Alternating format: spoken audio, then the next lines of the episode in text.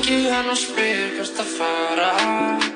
Nóttinn eins og vil getur verið saman. Þar er ekki að vera ég sjálfur fyrir framann hana. Rúla mér eina og við byrjum að tala saman. Tala saman, alla virka daga, mellir fjögur og sex.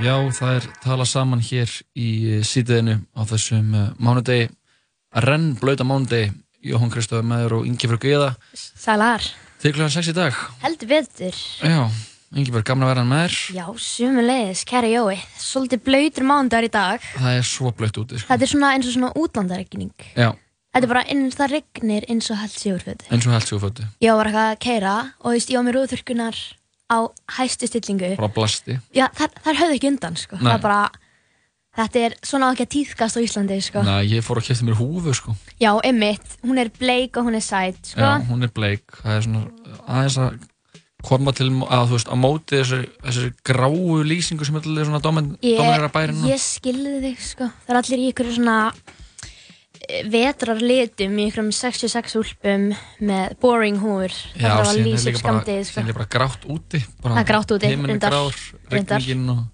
Það er náttúrulega hinliðin á þessu, það er viðfarið. það er við farið, sko. En já, kósi þáttur framöndan, Já, mjög kósi, sko, mjög kósi. Þetta verður uh, auðveldur mánudagur. Það er allir uh, léttir og ljúfir hér í útvarpinu og við ætlum bara að hafa það kósi í dag, eða ekki? Jú, við ætlum bara að fara svona hægt inn í vikuna. Við erum alltaf, hún Lóa, vinkona okkar, er í uh. Katalóníu. Já, Katalónia, Katalónia Katalónia í, uh, í klifri. klifurferð. Hún er að klifra með kærastunum sínum Já. og þau eru í svona van, Já, svona bara svona sendifarabíl eða þannig, eins og Happy Camper spílanir hérna heima já, svona, já, emmitt, með svona rúmi í skottinu. nákvæmlega. Það er, það er ákveðin draumur, sko. Já, Ég, ég var alveg til ég að vera í hennar sporum núna, ég, við kennum það alveg sérstaklega uh, þegar það rignir svona ótrúlega mikið, sko. emmitt. Ég, mér finnst rigning alveg ótrúlega næs, en þegar hún er svona ótrúlega mikil, Mm það er bara hamlandi. Já, ég er enda sko gætarleg, ég fór út að labba með hundina þann Já, og uh, það er mjög huggulegt að labba þegar það er ekki rók, sko. Já, Og það er ekki rók núna, en ég glemdi að láta með húfu og var bara eins og ég hefði verið að koma bara sundi þegar ég kom aftur heim. þetta er hræðilegt, Þannig að ég sko. þurfti bara að fara að köpa mér húfu. Ég meina, ég labbaði bara frá Árnagarði og neyri bíl eftir tíma á þann Mm og ég bara kom inn í, ég verið svona dungúlpu Já, hún var bara orðin flöt Þú veist, Einmitt. allur dúnnin var bara blöytur þetta var bara og að vera í svona þyngdu vesti sem er í ykkur svona voti bara, emmitt. Bara svona mörf á crossfit-leikunum Emmitt, það er bara einhver algjör rekt í gangi. Rækta bara gym, það þú bara- þekkir þetta gym að vera út að labba. Já, það er rétt sko. En uh, við ætlum alltaf bara að vera að hafa það huggurildina, spila músík og já, rappum daginn og veginn, fara yfir það sem er í fréttum, það er ímislegt og bara á um helgina eru við búið. Nákvæmlega og, Og, bara skemmtilegu dagur í dag Singles Day Já, einmitt, það er Singles Day. Ég held upp á hann Þetta er fyrst, fyrst getur sem ég hef heyrt að þessum, þessari hátíð. Sko, ég var eitthvað að leita að dippa á þann Mhm. og þetta er eitthvað svona sem að byrjar í Kína eitthvað svona, þú veist, afsláttur á netverslunum og byrjaði á Alibaba og AliExpress og eitthvað Ok, en svona margar netverslanir sem hafa verið að taka upp hérna heima og veist, í þessari vestræni kultúr Mhm. og já, þetta er svona bara vefversluna dagur þetta er aðalega eitthvað svona neyslu dagur, þetta er Jú, neyslu, hátíð. Jú, jú, allir það ekki, þetta er Singles Day 11. 11. sko, Já, þetta er ásar all around við, hann, við höldum hann hátíðlan hér í þettinum. Já, allan að ég, þú ert náttúrulega trúlofaður Ég trúlega, en menna, við, við, við fögnum öllum þeim sem eru einhleipir Það er rétt, á, nákvæmlega sko Ef ekki bara byrja á einu góðu lagi. Heyrðu, ég var til í það sko Þetta er söngkonan Summer Walker af blöðinu sinni Over It sem kom út fyrir stötu. Geggjuplata sko Geggjuplata. Uh, þetta er lag sem ég var mjög hrjóðan af á samtunum Usher, heiti Come Through. Segjum á þessu.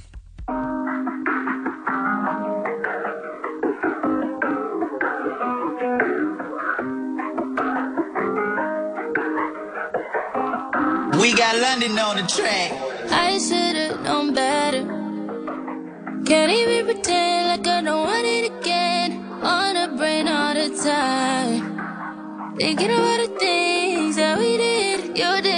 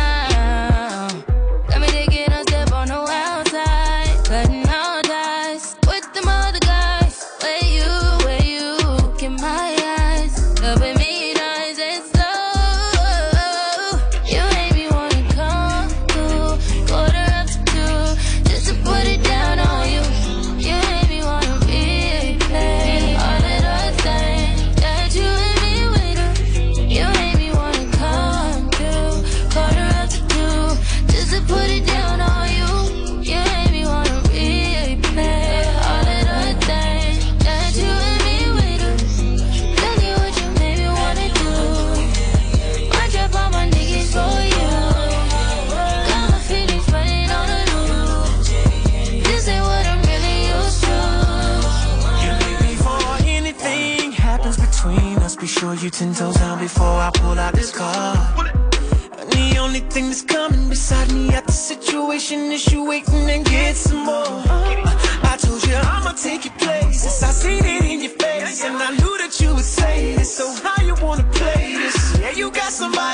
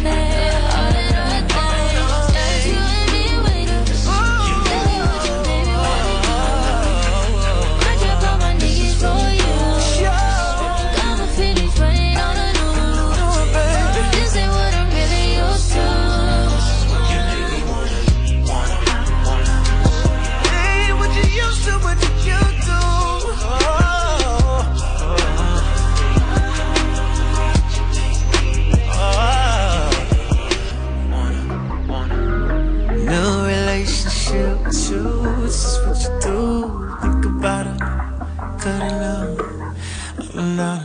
Summer Walker og uh, Usher Lægið heitir uh, Come Through Þetta er svo geggja lag, sko. Þetta er geggja Þetta lag minnir mig bara á þessi, þessi tónli sem að komið út fyrir því svona í kringum aldamótin, þú veist, Usher, Climax dæmi, eitthvað svona, svona sem er vibes. já, já, Usher, kemur það ekki út en setna, ertu ekki aðeins að Jú, jú, eflaust, sko. ég held að Climax koma ábygglega út bara 2011 2011 eða 10 eða eitthvað. Nei, ég er að menna, veist, æ, ég, ég veit hvað algjörða hvað svona átti ég. eitthvað, hvað heitir hún, Missy Elliott, Missy Elliott og þetta sem Dæmi. Timbaland var að prodúsera mm algjörlega, og, og uh, þessi stemning sem var hérna í kringum aldamótin bara uppbólstónlist ég myndi að hlusta á, sko, þetta er bara geggja lag. Heyrðu, en hvað er í fréttum? Það er ímyndslítið fréttum sko. það er, ég, ég, ég, ég gæti alveg sagt að það væri smá gúrkutíð en allan að hérna heima fyrir Já, en uh, það er alltaf eitthvað sem hægt er að ræða úr uh, stjörnulífinu ymmit, ymmit. og, og ég er ekki að vísa í stjörnulíf vísis það sem er farið yfir Instagram hjá fræðifólki eða svona fólki með marga fölgjendur og, og, og það er Svona íslensk áhrifvalda, eða, Nei, já, þú veist, við getum kannski farið það bara bara, á eftir já, jafnvel. Eh, En uh, það var haldin uh, hátíð í uh, Houston Í, já, já, Texas. Houston. Já, núna um helgina Ætli að meina Travis Scott dæmi? Já, Astroworld Mhm. hátíðin Já, og uh, og, uh, nei, herru, ég er að rugglast hún var haldið, en það var líka haldið þannig að Tyler, The Creator. já, Camp Flog Na Mhm. sem var held ég í Los Angeles Já, það er til Los Angeles. og uh, það var haldið hátíðlegt um helgina og þetta er náttúrulega Tyler the Creator náttúrulega var að vinna eitthvað svona rosaleg, fá eitthvað rosalega viðurkenningu fyrir hann að vera frumkvöðull í tónlist Já, hann er bara, í einhverju, einhverju tíma ekki, ekki einhverju svona blaði já, ég sko eða eitthvað dýrka. Já, einmitt. það kemur mörgum á óvart, sko. En ég er búin að hlusta mjög oft á allar plötunar. Mm Mhm. Uppáhaldsplata mín er fyrsta platan, Goblin. já, já, já, Og það er lag á henni og sem hann, hann er bara með eitthvað svona alter ego sem er því bara eitthvað svona ógeðslegur morðingja, vampíru, mannæta sem er náttúrulega eitthvað sem ég myndi fíla, já, skilur já. og, og þetta er bara svo ógeðslega gróft að það er bara gott Mhm. Og því, veist, ég veit það ekki, ég hef digga þetta heyrt sko. þetta í bílum hjá þér. Þetta er, uh, En það var, var þessi hátíð, Camp Flogna var haldinn og hún hefur, þetta er, ég held, þetta er mjög góð hátíð held ég, ég, ég get alveg séð fyrir mér að fara á hana. Algjörlega, við hendum í hópferðina. Og, uh, og það var eitthvað leinigestur sem átti að koma fram. Já, og það byggust, margi við að uh, Frank Ocean myndi ég ætla Láta- láta sjá að sig. spyrja hvort ég mætti þú giska, ég held að vera hana Kali hana sem er hérna After the Storm og See You Again og eitthvað. Khalid, Já, Kali, nei, Já. Kali, heitir ekki Kali, Gælan hann já Kali Ukis. Já. já, já, Já, já, já. Nei, oft er, oftast eru sko svona special guest er það einhver, einhver risa. Já, já, já, Þú veist, það er oftast kannski. eins og því ég fór á uh, á uh, hann, uh, bresku hátíðina Wireless Já, já, í fyrra. Fyrra? Þá var, já, þá var Drake leinigestur já, einmitt, einmitt. Og, og það byggust doldi margi við að Frank Ocean myndi koma, koma fram á hátíðin en það er hann svona fyrir meðlumur Odd Future Já, gengisins og, já, og hann að góð kunningi Tyler. Já, urðu svona, urðu svona stórir á sama tíma. Mhm. og, og Frank Ocean var að gefa náttúrulega út tvö lögununa á stundum tíma. Já, geggja materiál það var svona það var svona eitthvað hæp um að hann væri kannski að fara að láta sjá sig á þessari hátíð. Mhm. en Ég er alveg spennt sko, ég er ekki búin að heyra á þessu. Og, og, og síðan alltaf bara kemur leinigesturinn frá svið og þá er það Drake Ó, nema áhörundinir voru bara ekki að fíla? Ekki að fíla það Oh og bara god, búið hann af sviðinu. Nei. Jú, hann tekur eitthvað tekur eitthvað eitt, eitt eða tvö lög eða eitthvað. Já, og uh, og síðan er hann bara púaður af sviðinu. Oh my god. Og Drake, stærsti listamæður í heimi vinsalasti listamæður í heimi er bara púaður af sviðinu. Og hann er eitthvað svona, er eitthvað takk fyrir mig, gæt, gæt að fá að koma hérna og bara, er hvað segir, er til í annar lag? Og þá byrjar hann að Neða, það byrjar ekki alveg strax, hann er bara svona, hei, eru til í annar lag, bara make some noise if you, if you want more. Og þá er bara eitthvað bú, allir bara að búa og búa og búa. Og hann er eitthvað, thank you, og lappar út og þá byrjar take care með honum í hannu Já, en hann bara, hann er farinn. Oh my god. Og hann víst hjá þessi við þetta hann, uh, um þetta við við DJ Academics sem er alltaf svona helst í svona slúður slúður hann Er hann mikið að tala við slúður tímaritt? Mér finnst það svona hann er ólíkt honum svona, hann er svona gæinn DJ Academics er svona gaurinn í hiphopi sem er hann er svona gula pressan í hiphopinu Já, hann er já. svona sem þekkir hann þekkir artistana og er Og hann er getur, svona radio DJ og er með og er útvars, útvars DJ og já, og er oft svo í samtali og þú veist, sem er segja honum frá einhver og hann er oft með svona inside scoop og, og hann uh, áttu vist samtal á DJ Academics við Drake. Mhm. Og sagði að þetta hefði verið hann að hefði verið svona a moment of humility.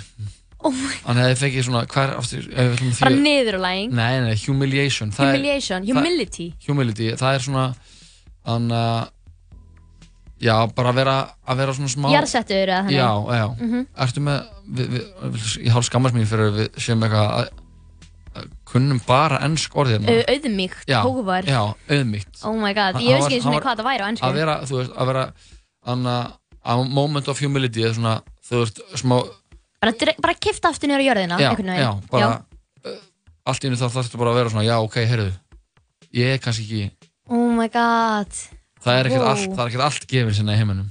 Ég er nefnilega, sko, þegar þú varst að byrja að segja þetta, ég hef ekki hýrt af þessu, sko, því að þú veist, ég er ekkert mikið á Instagram, ég er hægt að fylgja allum svona áhrifavildum, Mhm. eða þú veist, aðla erlendum stórstjórnum, því að þeir eru oft svo mikið að bara að drita inn einhverju og ég nenni ekki að fylgjast með þessu. Nei, nei. Og ég mitt, ég unfollowa Tyler, og Mhm. því að hann var bara alltaf að drita inn einhverju á story og ég bara netti ekki að vera alltaf að skipa yfir þetta. Ég bara frekar fyrir þegar þú fast eitthvað svona að byrja að segja þetta ég var eitthvað, oh, ok, kom svo eitthvað svona gett lítið þekktur og allir voru gett vonsögnir nei, kemur bara eitthvað dreik Já. og allir búin að sviðinu Og hann var bara tekinn hana. oh my Hann god, sagði líka að það væri, sko, ekki kvöldið hans. nei og hann hefði ekki verið þeir sem áhörundur en þetta er líka, sjá, sko. en er þetta ekki svolítið, þú veist, ég er ekkert mikið í því þú veist, þeir sem ég þekki Mhm. sem að hlusta svolítið á Tyler þeir eru ekkert mikið að hlusta á Drake eða þú veist, er þetta ekki svolítið svona tveir flokkar að ég hlusta, Jú, ég hef smá, alveg sko. reynd að hlusta á Drake skilur, Já. mér finnst alveg nokkuð lög svona bara svona, ah, ok, ég fíla þetta en ég er aldrei eitthvað svona, ah, já, Drake ég myndi aldrei fara út á Drake tónleika en Nei, ég myndi alveg fara út á Tyler tónleika, Já. þú veist, ég er alveg þar Jú, þeir eru náttúrulega smá hann, Tyler hefur náttúrulega lagt, lagt svona mjög mik mikla áherslu á svona artistry og Já. svona að- að keira áfram einhverja svona hann náttúrulega er alltaf bara að að reinventa sér sem tónlistamæður Já. svona, er alltaf að svona komast lengra í sínu listformi og meðan Drake er náttúrulega bara dálítið mikið alltaf vinsældinar og er Algjörlega. að halda sér inn stórum og hann getur verið hann er náttúrulega að vera á toppnum alveg í bara, nokkur ár sko. nokkur ár, alveg bara svona fimm eða eitthvað og ég er að followa blogg sem hann er alltaf að spáði bara, já, já, nú fyrir Drake að tapa vin- vinsaldum sínum. Já. En það gerist aldrei. Nei, að ég veit það ekki, þú veist Ég er ekkert eitthvað, ég hlusta á rosalega fjölbreytti tónlist Mhm. En eitthvað sem að kemur mér alltaf í gýrin er bara að setja á playlista sem ég er með í símanum mínum sem heitir bara heitt elskað og það eru bara Tyler-lög og ég bara shuffle á milli og kanni öll utan að bara. Og þú veist, ég skil þetta alveg. Ef ég var eitthvað á festivalinu og væri bara svona að gegja, þú veist Odd Future comeback eitthvað, nei, já. það er bara eitthvað Drake að syngja Money in the Grave í hundraðast að skipta á árinu. Þú veist, ég var alveg bara svona, hmm, en veist, samt myndi ég aldrei búa því, þú veist, maður gera það ekki, veit það ekki. Kannski bara erfitt að setja sig í spór einhver sem að borga örugglega morðfjár fyrir að vera veit það er ekki, erfitt að setja sér í spór. annara yfir höfuð. Já, og eða bara Frank Ocean heldur, þú veist, þetta er alltaf bara einhverjir gæjar sem eru mjög langt komnir í sínum gæra og er allir í sikkur áttunum líka sko. Algjörlega, og pældi ég líka bara að vera Tyler og vera eitthvað búin að bóka dreika á eitthvað hátíð og svo er hann bara púar á sviðinu. ángríns, herru, við þurfum eiginlega að hlusta eitt reglag og síðan kannski eitt með Frank Ocean.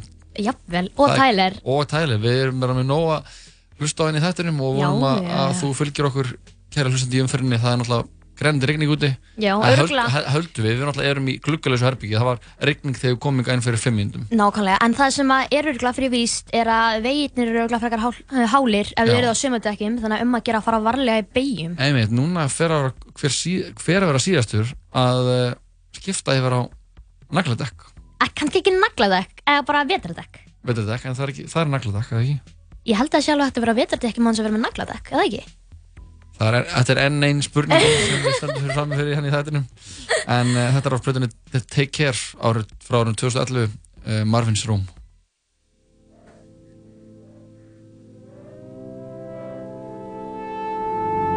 Hello?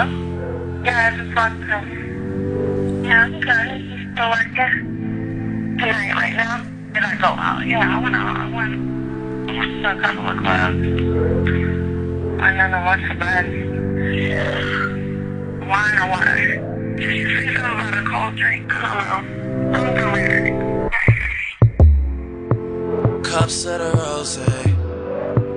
Bitches in my old phone. I should call one and go home.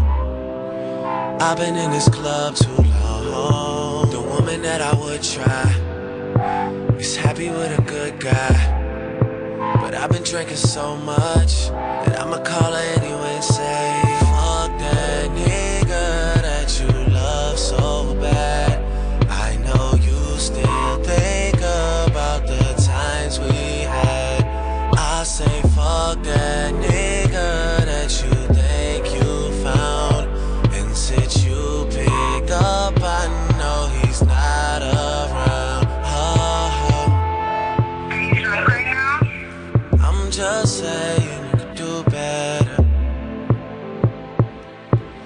Tell me, have you heard that lately?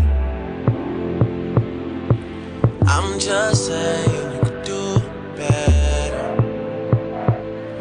And I'll start hating only if you make me.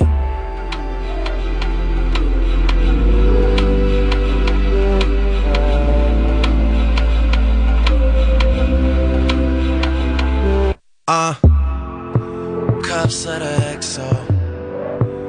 All my people been here. I see all of her friends here. Guess she don't have the time to kick it no more. Flights in the morning. What you doing that's so important? I've been drinking so much that I'ma call you anyway and say,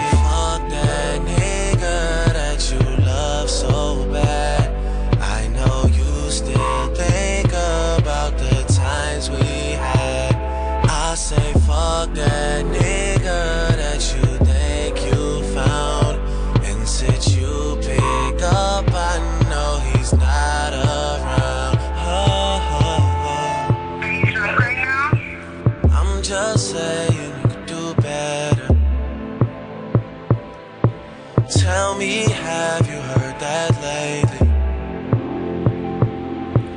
I'm just saying you could do better. And I'll start hating only if you I think I'm addicted to naked pictures and sitting talking about bitches that we almost had. I don't think I'm conscious of making monsters out of the women I sponsor till it all goes bad. But shit, it's all good. We threw a party, yeah, we threw a party. Bitches came over, yeah, we threw a party. I was just calling cause they were just leaving. Talk to me, please, don't have much to believe in. I need you right now. Are you down to listen to me? Too many drinks have been given to me. I got some women that's living off me. Pay for their flights and hotels, I'm ashamed. Bet that you know them, I won't say no names. After a while, girl, they all seem the same. I've had sex four times this week, I'll explain. Having a hard time adjusting to fame. Sprite and that mixed up. I've been talking crazy, girl. I'm lucky that you picked up. Lucky that you stayed on. I need someone to put this weight on. Well, sorry. Are you drunk right now? Just saying you could do better. tell me, have you heard that lately? I'm just saying you could do better. And I'll start hating only if you make me. You're not gonna come? I guess I'm about to while I hold your hurt back. Her white friend said you niggas crazy. I hope no one heard that. Yeah, I hope no one heard that. Cause if they did, we gon' be in some trouble. Yeah. Here we gon' be in some. Trouble.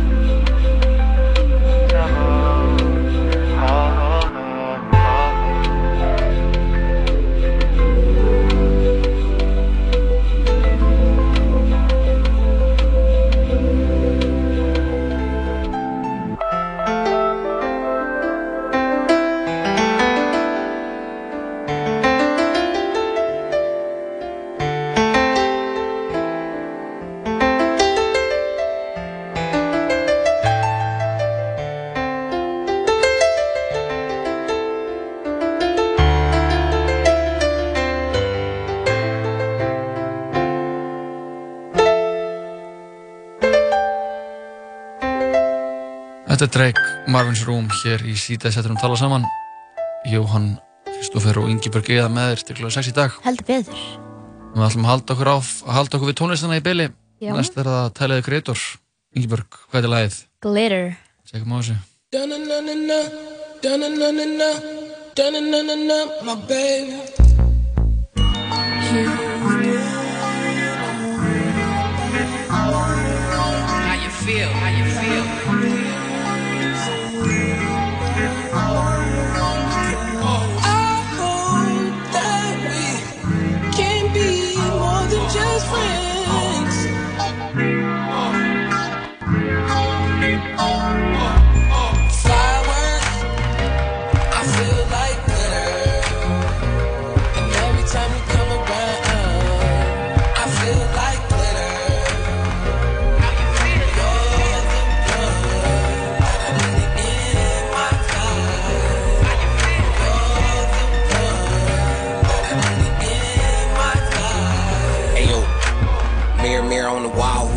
of them all? I never been the doggiest one, cause my self-esteem was tall, so I never seen eye to eye with y'all nigga. Ayo, uno, peso, never pay attention to when niggas gotta sell, so I keep that buck. I ain't getting no fuck, they ain't build me up, so I block 'em like Lego.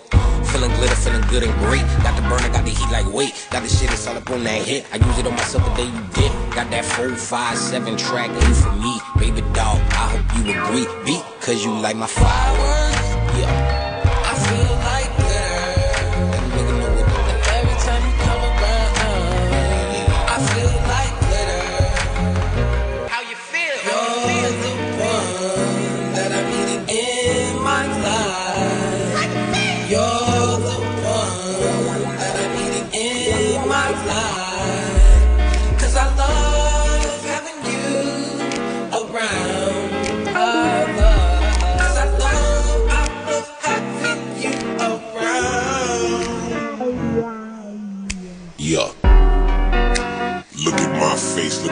Look at that jaw. This is one side of ya. I can't lie, we ain't gonna work out. We a fat boy, yeah, sumo. Got it memo. can't see through, must be a window. Cause you in the L, could be a DJ. When I see you, my heartbeat change tempo. Yeah, simple. That's what I want, but I can't. That's who you are, but I ain't. You get track to skip trace. I'm calling me quick, so wait. Please don't save me. Please don't save me. How you feel? How you feel? How you feel? How you feel?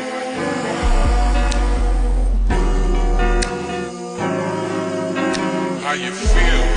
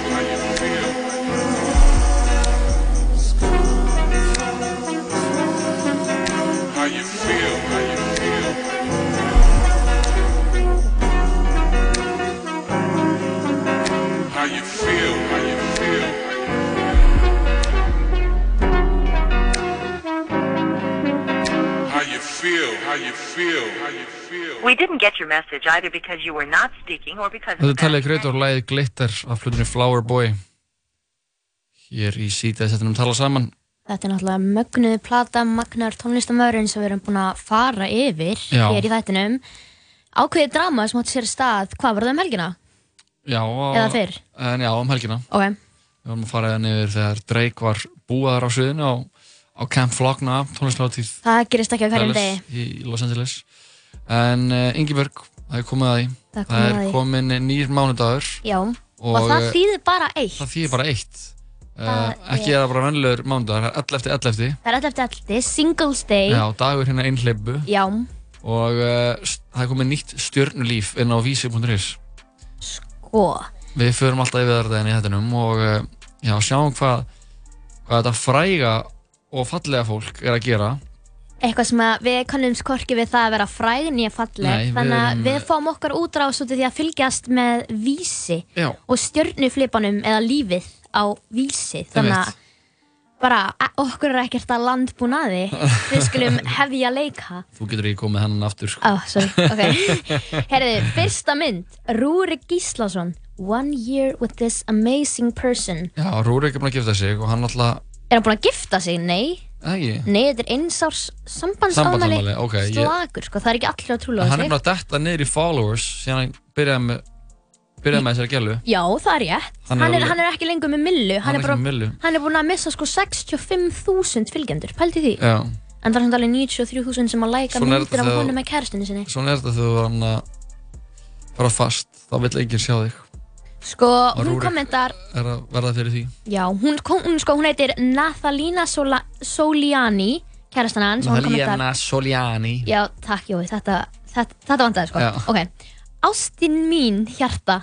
Can't believe it's been one year already. Thanks for all the love and care. Love you more each day. Og svo svona nokkur emojis og svo kemur meu nini sem ég get bara áætlað að sé eitthvað á uh, spænsku eða hvaðan sem hún er sko. Ok, Þannig að ég ætla að gera það uh, fara að uh, skiljum þetta bara eftir. Um, eftir. Uh, næsta frétt. Já, færum okkur nefnir Snær og Sindradóttir á í þjóðleikúsinu, ok Viðar Lúðvíksson, lög, lögumar hjá landslögum og Borghildur Erlingsdóttir fórstöru engaleifistofu þú veist, I don't know Þetta er sko, um, ég þekki hans til myndin er ekki ekki svona hérna hjá mér sko Já, hún er hjá mér, sko. Þetta er alveg geggjum mynd, segðu. er það kannski þegar þú ert að Ég er ekki að follow hana samt, sko. Nei, þetta er, þetta er, þetta er hjá viðari. Machu. Picchu. það er bara æðislegt að fara þangað Geggjað, sko. einn daginn mun ég fara þangað Já, við, við klífum þetta saman. með- já, við munum fara og, og, og, og, halda upp á það með að fara með útastátt Ú- frá Machu Picchu. í beinni frá Machu Picchu Hafliði Breiðfjörð, eigandi fótbolta.net er á Tyrklandi sko ég þekki ekki það þessu fólki sem er að tala með hana sko. Nei, Elísabet ekki Gunnars, heldur. Gunnar Steinn Ég- Jónsson, Álfum Pálsdóttir og Viktor Bjarki opnaði verslun Eh, Já, Elisabeth Gunnars, hún er svona áhrifavaldur. Ég veit ekki hverjir hinnir eru, en þetta er alveg svona, er þetta frétt dæmið, sko? Þetta er stjörnulífið Þetta er Þau eru stjörnulífið. orðna búð sem er að selja Sjöstrand, þetta er svona kaffi og þeir eru að nota í hana júsú. Já, einmitt, þetta er eitthvað collab sko. þau, Já, þau eru, þau eru einmitt, ég sá eitthvað grín með þetta það er verið að, þau eru að selja sódastyrintæki Já, já, Eh. já, já, einmitt, einmitt, einmitt. með einhverjum glerflöskum Já, ég á sótasýrumtæki sko og við erum ekkert með það uppi við. Við erum alltaf með það í skuffunni því það þykir svo ljótt þannig að þetta geti kannski verið lausn á mörg heimili, Ég er sérstaklega í garðabænum Ég sko. er með mitt upp á borðið sko, kannski er ég það bara asnalur Náttúrulega þekktur fyrir að vera afar smekklaus Jóhann, það er, það er alveg þekkt sko. Þetta er rétt. Og Elisabeth Gunnars og Gunnar Steinn þurftu að fyrir blá lónið þar sem flugið þeirra fjall niður. Nei, þetta er svona er first þetta ekki world sama fólki og var hann áðan? Er það ekki? Jú. er þetta ekki svona firstworldproblems.is eða því Jú, skástrík The Blue Lagoon. Herru, Svo er hann að Uddi, Auður og Gitti Renn á Airwaves, mynd með af þeim. illasta lúk sem að ég hef augum litið. Þau eru dressuð í Hild, Hildi Jómann Frá klæðnaðinn, toppi til táar. toppi til táar og uh, gerðu gott mót Já, uh, og við erum með svona illa efni í snúðurum sínum. Hún er svolítið svona Princess Leila nefn bara svona upgrade Hefur hún ekki prinsess Leia Leia, ég hef ekki séð Star Wars Gott að koma með reffa í Star Wars þegar þú er ekki Þetta Ég hef eins ekki séð þá. þetta er eins og hana Star Trek var það ég var eitthvað að Star Trek myndinar og ég var eitthvað aðrið þættir. Já, það er satt líka myndir, það var alveg, það, þetta var alveg rétt með í það, sko. Ó, ok, ok. Uh, Linda P, hún er hana eitthvað í jóla, jólaskapi hana. Jólaskapi. Linda P. í jólaskapi, það er eitthvað sem við þurfum. Uh, Landsleisfyrirlegin Sara Björk Gunnarsson skellti sér til Madridar með þeim El, Ella Masar og Babette Peter sem voru liðfélagar hennar hjá Wolfsburg. Já. Alright, þetta er Þetta er flott mynd, sko. stemning. Crossfit-dórningi Sara Sigmundsdóttir skellt sér á Airwaves. Birgitta Líf dýrka hana, sko. að njóta lífsins í París. Hún er, hún var með gott content yfir helgina, sko. Já. Hún var að sína frá alls konar svona gömlum kampænsflöskum. Ú, Svona eitthvað svona 6 lítra, uh, ég ætla ekki einu svona að reyna, Dom Perignon, Nei, Moe. Moe, Já. fyrir ekki uh, og þetta voru eitthvað svona 6 lítra og eitthvað svona sem var að býða í kallara í ykkur, ykkur að 10 ára, sko. Já, með mitt. Þannig að þetta var gott content, sko. Já. Ég elska að sjá rík í stóri hjá fólki. Já, það er- Ríkar, ríkuðar flöskur. Það er flott, það er það sem við erum öll sjá. Til Heyrðu. eru við með Instagram. Nákvæmlega og svo að máli málana það var uh, blað sjálfstæðiskvenna uh, auður útgáðuteiti um helgina. Já. Og uh, hérna sjáum við í stjórnulífunu Já, að sjálf, sjálfstæðiskonuna að í einhverju, einhverju fögnuði, það var í skýrn í skýr og Já, bara líka að fagna, hana, fagna þessu útgáðu á þessu blaði. Og uh, spurning hvort að þau séu mann eitthvað skoða þessa verkferðla sem uh, allir því að að uh, ólitri konu var vísa á landi meðan nótt. Hvort Já, að það? Hún má náttúrulega ekki tjá sig um einstaka málefni þannig að við skulum bara láta það kyrkt Nei, og það er verið að sko. skoða þessa ferla og þannig að hún, er, hún vinnur hörðum höndum að því. Að, já, að skoða þetta. En það er, það er mörg orð og þannig að- að mikið á lofti sem uh, kemur út um mörgum. Já, já, það ekki. Næst er það uh, Hanna Rún Basef Óladóttir. Ég þekki Hanna ekki en Ingeborg, þú Þetta er, þetta er samkvæmistansari, hún er svona búin að vera í, held ég, allir geta dansað og eitthvað Já, ég, maður kannast svona eitthvað við Hún er, um, já, hún er skemmtileg, sko. Hún er skemmtileg Hún, flott, flottu dansari, sko. Já. Skemmtilegt að hún, er, hún á núna von á stúlku, hún á dreng fyrir, sé ég.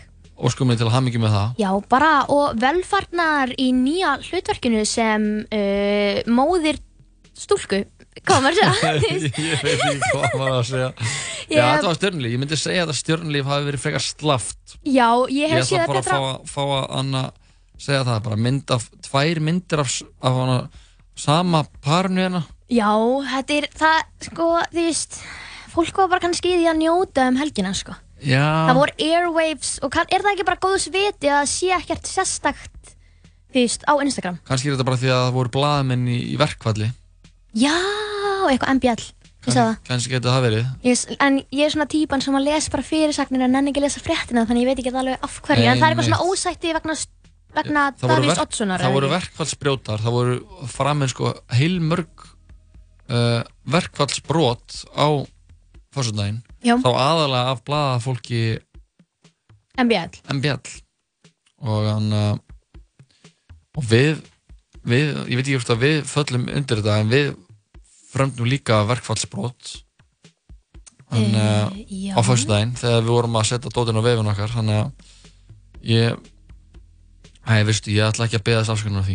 Nei, maður er bara að pumpa út kontentið fyrir fólkið sko. Maður er bara eitthvað að þarf fólk að lesa reyna yfir að helgina gera eitthvað fyrir ykkur, kæra fólk og Já. við vonum bara að þið kunna að meta við skulum halda áfram að hlusta á tónlist Já, hvað Eh, ætlar að koma næst? Mér langar að hlusta á að því að Franka Ósson var að gefa út nýtt lag Já, og gaf út nýtt lag viku þar áður lagið THL og síðan kom uh, lagið In My Room núna út fyrir nýjum tögum In My Room er svona frábært príma dæmi Mhm. um titil og lægi sem myndi ekki hljóma mig upp vel á íslensku. Þú veist, myndir ekki út í sem, hét- sem að héti Inn í herberginu mínu? Uh, Það fer eftir hvert viðfyrsamnið væri. Eitthvað, er að fara að sofa, vakna. Inn í herbygginu mínu Við höldum við áfram í sítið þetta ekki fara neitt. No sleeper seats,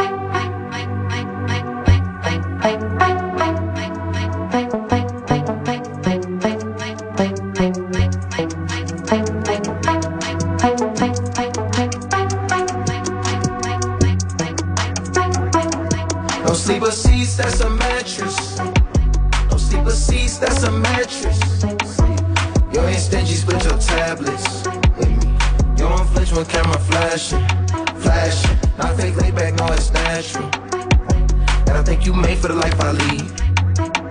I'm not fake patient, I don't fake sick. That kind of coffin don't lean. Rest in peace, got this lust for life me.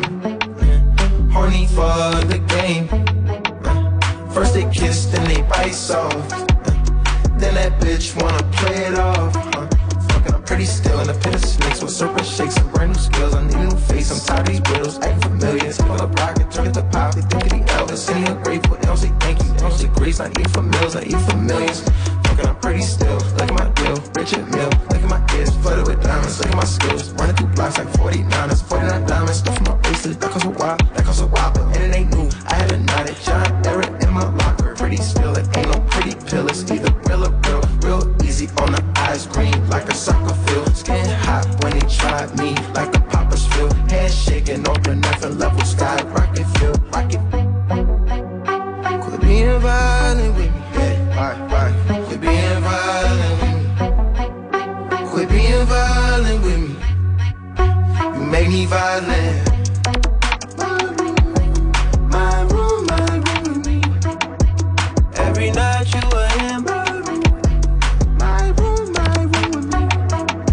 I guess I can't stay my feelings too soon. I don't know you. I can't put no threats in the air.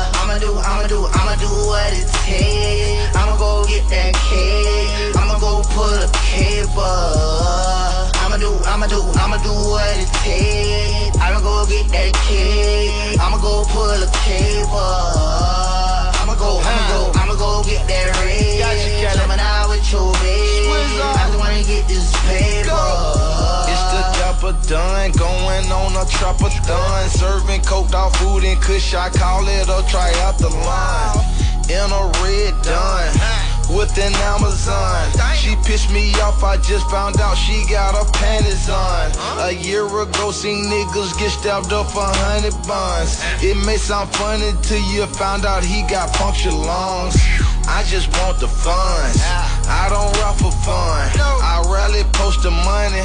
I never pose with guns. Went from a robber to the upper, upper echelon. Just to get here, I had to rob a couple Mexicans. But free Kodak Black.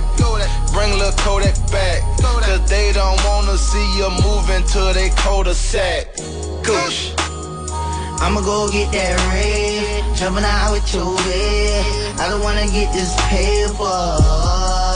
Do, I'ma do, I'ma do what it takes. I'ma go get that cake. I'ma go pull a paper. I'ma do, I'ma do, I'ma do what it takes. I'ma go get that cake. I'ma go pull a paper. I'ma go, I'ma go, I'ma go get that red, jumping out with your bed. I just wanna get this paper. Side of things. Destiny is my livelihood. I'm Iverson with the long braids, three cell phones with the gold fronts. Wild thing till I Yao Ming.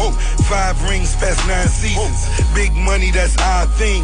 Heavyweight, I Ali 'em. Featherweight, how I leave 'em. Heaven sakes, God's need. Bob Weave rock the Coliseum. I'm the biggest nigga, you got gonorrhea. Ba- Baddest bitches make my collage. Biggest buds make my cigars. Basic bitches in custom cars. Blow jobs in the SLRs. Realest ones wanna watch you shine. Smoking good and I'm talking facts. Iced out like DJ Khaled. Burn it down with Kodak Black. Huh. I'ma go get that red. Jumping out with your bed. I don't wanna get this paper. I'ma do, I'ma do, I'ma do what it takes. I'ma go get that cake. I'ma go pull a paper. I'ma do, I'ma do, I'ma do what it takes. I'ma go get that cake. I'ma go pull a paper. Go, I'ma go, I'ma go get that red. Jumping out with your babe. I just wanna get this paper.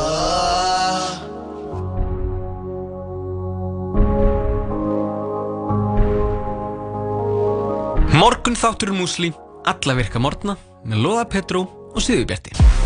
Tempóið verður hátt í Dominos deildinni í vetur. Á ekki öruglega að mæta á völlin. Dominos. Hamburgerabúla Tómasar, hvað er að frétta? Hamburgerabúla Tómasar.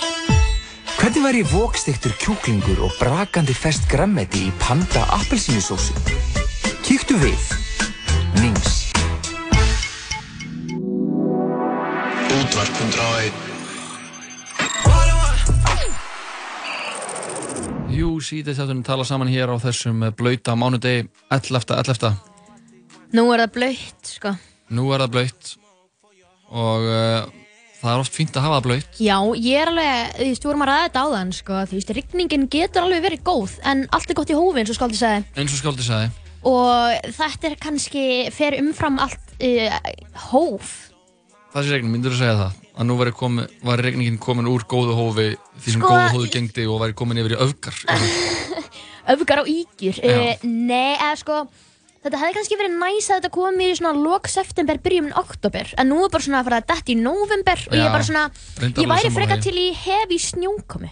Já, eða bara ógeðslega kallt. Eh, Já, nákvæmlega, veist, allir eru búin að kaupa sér ykkur gett netta dúnúlpu, bara Mhm. sitja inni og býða eftir að byrja að snjóa svo þau geti farið að nota hana, skilur, Já, mitt, flexa kuldan. flexa kuldan, því stútt má ekki blotna. Nei, mitt, ég lendi því að hann, hún var smá flöt úlpan. Já, þetta er ekki, það er ekki hot look, Nara maður hot look, herri. Nara hot look. Við höldum áfram að fara inn yfir fréttir og það er nú sitt lítið af hvoru sem er að tala um og uh, það byrti svona fréttin á heimasíðu vísis um uh, mikla aukningu í nýstluvinstri okkar Íslandíka hvað Já. var þar sótavatn. Það kemur mér nákvæmlega ekkert á óvart. Nei, síðast, uh, síðast liðin, eða svona, tæpan árumtug uh, hafa Íslandíkar í miklu mæli sagt skilu við sigraða góðstrykki og keift kólsýrt vatn í staðinn og uh, stendur í fréttinni oft nefnt sótavatn. Já, sko, ok, við eigum svona sótastyrmtæki heima á mér. Einmitt, sem er alltaf inn í skáp Sem alltaf þið inn í skáp því að, ekki. jú, við notum það alveg, það er bara svo ljótt að má ekki hafa það upp á borðið, sko. En uh, ég drekk sótavatn, þú ég fæ mér ekki gós, þú ég fæ mér bara bara hættur sótavatn. eitthvað gós? Jú, nei, þú veist, nei, þú veist, ég fæ mér alveg Pepsi Max á og til, því það er svona eina sem ég finnst í alveg gott. Já. En annars fæ ég mér bara sótavatn, ef ég fæ mér eitthvað. gölt, eins og kallum hann. Já, ætli það ekki.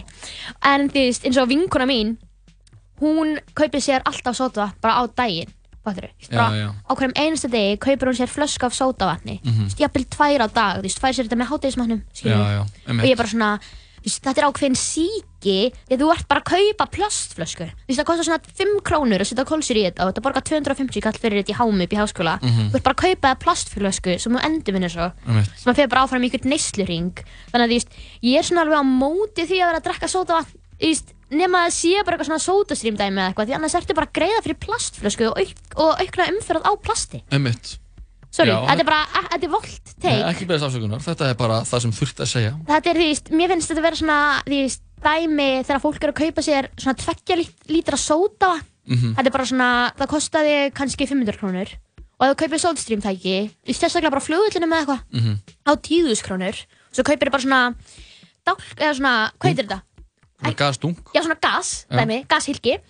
Og þú ferð með það, þú veist, í krónuna eða eitthvað og þú ferð nýtt og ég held, ég vona að þeir fylli á gömlu dunkana. Nei, þú þarf að borga bara eitthvað smá fyrir Já, ég veit það, þú þú, þú, þú, já, þú borgar, þú skilir einu og þeir fara og fylla það og þú borgar Já, þú, þeir fylla á gömlu, Já, eða borgar ekki? þessi 500 kall held ég fyrir. Já, já, já, já, þú veist, maður fær nýjan en ég vona því, ég var að vonast til að, að þeir myndi fylla á gömlu þau sé ekki, veist, að það sé ekki að vera sem er umhverfisspöll og ég er eitthvað að held að þeir hendi þessi ekki í rusli sko. þeir, það maður getur skilað þessi eins og þeir geti vonandi fylla bara aftur á þetta setja aftur í umhver- umferð sko. Já. því annars er þetta náttúrulega bara eitthvað svona snáka olja The biggest scam of them all, jafnvel eitthvað svona pyramid scheme eitthvað svona, eitthvað svona soda stream selt undir því að þetta sé svona umhverfisvænt Já, eins og hann að því þetta búið að vera ógeðslega mikið eitthvað svona, eitthvað svona auglýsingar. Soda stream er búin að vera með svona herrferð það já, Hafþór Július lekið því, maður ekki eftir þessu? Þetta hefur farið fram með mér. Þetta, það er enda fyrir nokkrum árum sko. Ég er kannski ekki inn í algoritmanum mikið eitthvað svona í, pa- í sótavas hugleðingum Nei. Ég á sótastream tæki og nota það. Já, sko, og þá eitthvað svona var bara svona Hvað ert þú að gera, kaupa flösku? Eitthvað svona, og þá því skiptið sódastrím En það var, var það ekki eitthvað Var það ekki eitthvað amerískt sótavatn? Ég held að það hefði verið eitthvað, sko, eitthvað auglýsingaherferð fyrir Ég var held að það hafi þá var- sódastrím Fyrir, fyrir sótastream tæki, já ok. Já, en, en Það það, var ekki á Íslandi, sko. Nei, nei, nei, Ég, einmitt. bara, ég sá þetta bara á YouTube, manni Ég. Heyrði sko að sótastream fyrirtæki verið frá uh, Ísrael. Og það væri svona, ef maður Ú. að boykotta Ísraelsk fyrirtæki þá þurfti maður að byrja því. Af hverju setur þetta ekki utan á pakningarnar. Þetta sé frá Ísrael, svo að- ómeðvitað neytendur eins og ég geti verið eitthvað svona. Bara. FYI, this is from Israel Skilur Það sendur sko góðstækja sala hefur breyst umtalsvert frá árinu 2011 Sigraðir drikkir uh, voru þá 59% seldra góðstækja og uh, sigralausir 27% og kólsýtt var 15% Nú, 8 árum síðar er hlutfall sigru góðstyrkjana orðið 41%, Mhm. hlutfall hérna sigurlausu eða svipaða 28%, en hlutfall kólsins vass hefur tvöfaldast og er nú 30%. Mér finnst ég samt ekkit eitthvað sjá massífa aukningu á þessu Í samt, fólk er ekki aftur mikið bara eitthvað að negla sig í bara hál, hálfan lítar af, af appelsíni eða, þú veist, kannski mixi ekki eða eitthvað. appelsíni en, og ekki mixi heldur Og heldur kók, bara, þegar ég var í, þegar ég var í MH, já, þá var það bara þannig að fóru allir í sjoppuna í hátteginu já, þá fekk maður bara svona, svona, superdós af kóki já. og langajón eða kleinurhing það var áður en það byrjaði með þetta að heilseflandi framhaldsskóli. Heilsefaldi framhaldsskóli. Var, Oh voru allir bara að God. hrinja niður af blóðsíkursfalli og á leiðin í sjoppuna fyrir að fá sér superdós Oh þannig að ég held að God. kók neyslan hefur alveg minkað sko. Já, en samt sko, ok, nú ætla ég bara að vera ógeðslega leðileg Þegar ég, þú veist, þegar ég er eitthvað í skólanum og ég sé að fólk er að kaupa sér svona, þú veist, Pepsi flösku. Þú veist, bara klukkan eitthvað tíu á morgnana, bara mættir upp í skóla eitthvað svona hámu, bara að byrja að lesa eitthvað svona, þú veist Kannski er þetta eitthvað svona fíkt, en ég get ekki ímyndað mér að innbyrða Pepsi klukkan tíu á morgnana, ég er bara svona, að, ég fæ bara svona niður baki ég er sammála, sko. Ertu sammála mér Og eitthvað svona í sko. morguntíma að vera með því Pepsi Þú veist, kannski er þetta eitthvað svona fíkn og maður er bara eitthvað þetta svona er náttúrulega, það er það, ég held sko að hann að Pepsi Max sé ábyggulega ávið bara heroín fólk Já. verður svo alvarlega Ég varð næstuð í háðu þessu sko í fyrra sumar því ég var að vinna svo ógslag mikið sent á kvöldin og ég með leið alltaf gett illa þegar ég vaknaði Já. Þannig ég var alltaf eitthvað svona blóðsíkusfalli því að sólarringurinn minn var svo mikið, þú veist, whack Þannig ég var alltaf eitthvað svona að kreyfa nokko og svo er eitthvað, að nei, ég má ekki drekka mikið koffín og fæ mér frekar Pepsi Max eins og það sé eitthvað skárra Já, bara- þetta, er, þetta er náttúrulega Pepsi Max sko, er eins og fíkn og ég hef séð fólk alveg bara svona gersamlega ánýtjast En ég meina eins og þú veist, fólki eins og Greta Salome, hún Mhm. er þú veist lítil og ótrúlega í ógslag góðu formi og eitthvað, en hún samt alveg Pepsi Max fíkil.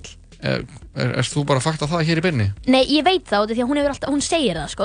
Ég var að fylgja á samfélagsmiðlum fyrir ykkur árum. Já, Hún var bara eitthvað svona, gott að komin, vera komin heim eitthvað að fá Pepsi Max og ég var bara, á sér PM Gullt PM Guld. Já. Já, en, En það, því- þetta hefur ekkert alltaf að gera með að maður sé í góðu formi eða ekki, Nei, veist, það er bara en er alltaf bara aspartan sem er í þessu, þetta er engin sigur, þetta heitir Pepsi Max. Já, já. Þetta er Max uh, Max, árangur. Max Holt, Max Holt. Max Gott Max Gutt. uh, Eigum við að færa okkur yfir í meiri músika Já, endilega. Er það Hvað ætlar að, að hendi í okkur? Mér langa að hún var að hana, hún Doja Cat var að gefa nýja plötu Já, ymmit. og uh, ég ætla að hrifna henni hún var hún var að gera gott stöðfundafarið, gátt, geggjaða plötu uh, sko í, í, í fyrra ásinn kom út svona deluxe útgáfa núna á þessu ári Já. sem heit Amela Ok. og, nei, Amala Amala. já, ég veit ekki alveg hvað þýðir Ekki heldur. en uh, hún var að gefa nýja plötu Já. Og- Doja Cat. Amala. Er það ekki bara eins og að mala? Eins og kiss. Eins og kissar mala. Eh, ég veit ekki alveg hvort að ég, það sé ég, ég, ég er að grínast ég veit það, veit það.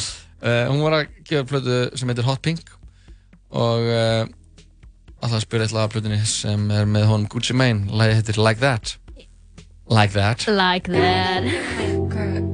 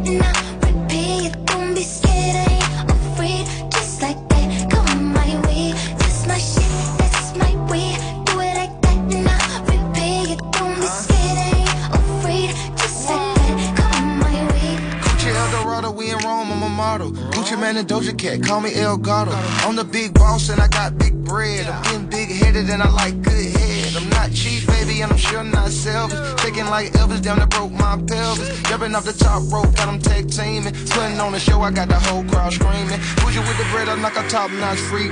Act like I'm a treat when a dog see me. Like a thief in the night, like she stole my green. Got me walking off the scene like a hole in my jeans.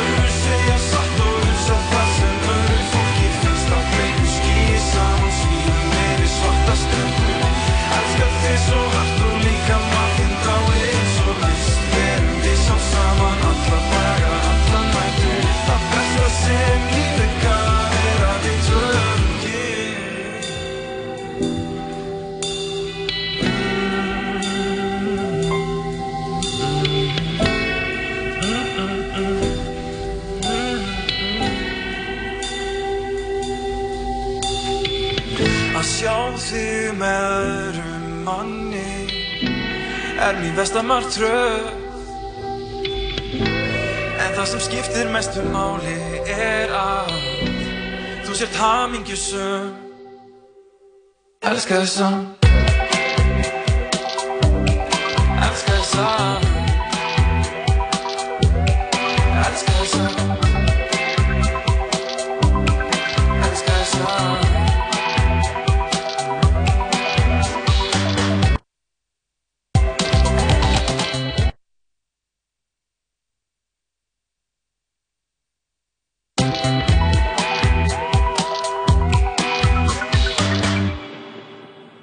afsök, afsökum með einhverja uh, teknilega örleika sem uh, ullu því að lægið hyggst það eitthvað eins og náðan. Já, þetta er náttúrulega hipsum haps. Hygg. Engiberg, þú varst að, að tala um á hann, við vorum að hana, tala um Post Malone Já. og hana, það er svona smá Post Malone stemning í þessu, þetta er svona Já. rock stemning og, og rock geta allir búið að koma aftur núna. Einmitt. Króli og MC Gauti gaf náttúrulega út lagið uh, Malbyggi. Já. Já. Og svona, maður heyrir Post Malone áhrifin þar. Algjörlega. Uh, en þú ert ekki mikið fyrir Post Malone? Nei. ég var einmitt, þú veist, ég hef alveg reynd, sko, eða þú veist, ég er bara einhvern veginn svona, ég hef aldrei fílað Post Malone, ég ætla bara að segja Já, ég við bara... Ég er bara fakta, ég hef það bara. aldrei, ég er bara svona reynd, skilur það, veist eitthvað Sunflower, Better Now, mér finnst þetta allt vera svo pródúserað, fattur Já, en Sunflower er náttúrulega er miklu meira bara Sway Lee lag heldur en Post Malone lag. Já, ég veit það, því, sko. sko, þú veist, mér finnst bara eitthvað, ég sá eitthvað mím Mm fyrir svona einu og halva ári um að skeggja að Post Malone var eins og tveir langhundar að kissast og núna get ég ekki hugsað um annað þegar ég hlusta á tónlistina og ég var bara að kera heim í gær og kom eitthvað Post Malone lag á Já. í útvarpinu á útvarp 101 menna Circles eða eitthvað. og ég var bara god damn ekki þessi fucking Post Malone aftur. Ég þól ekki hann gæja.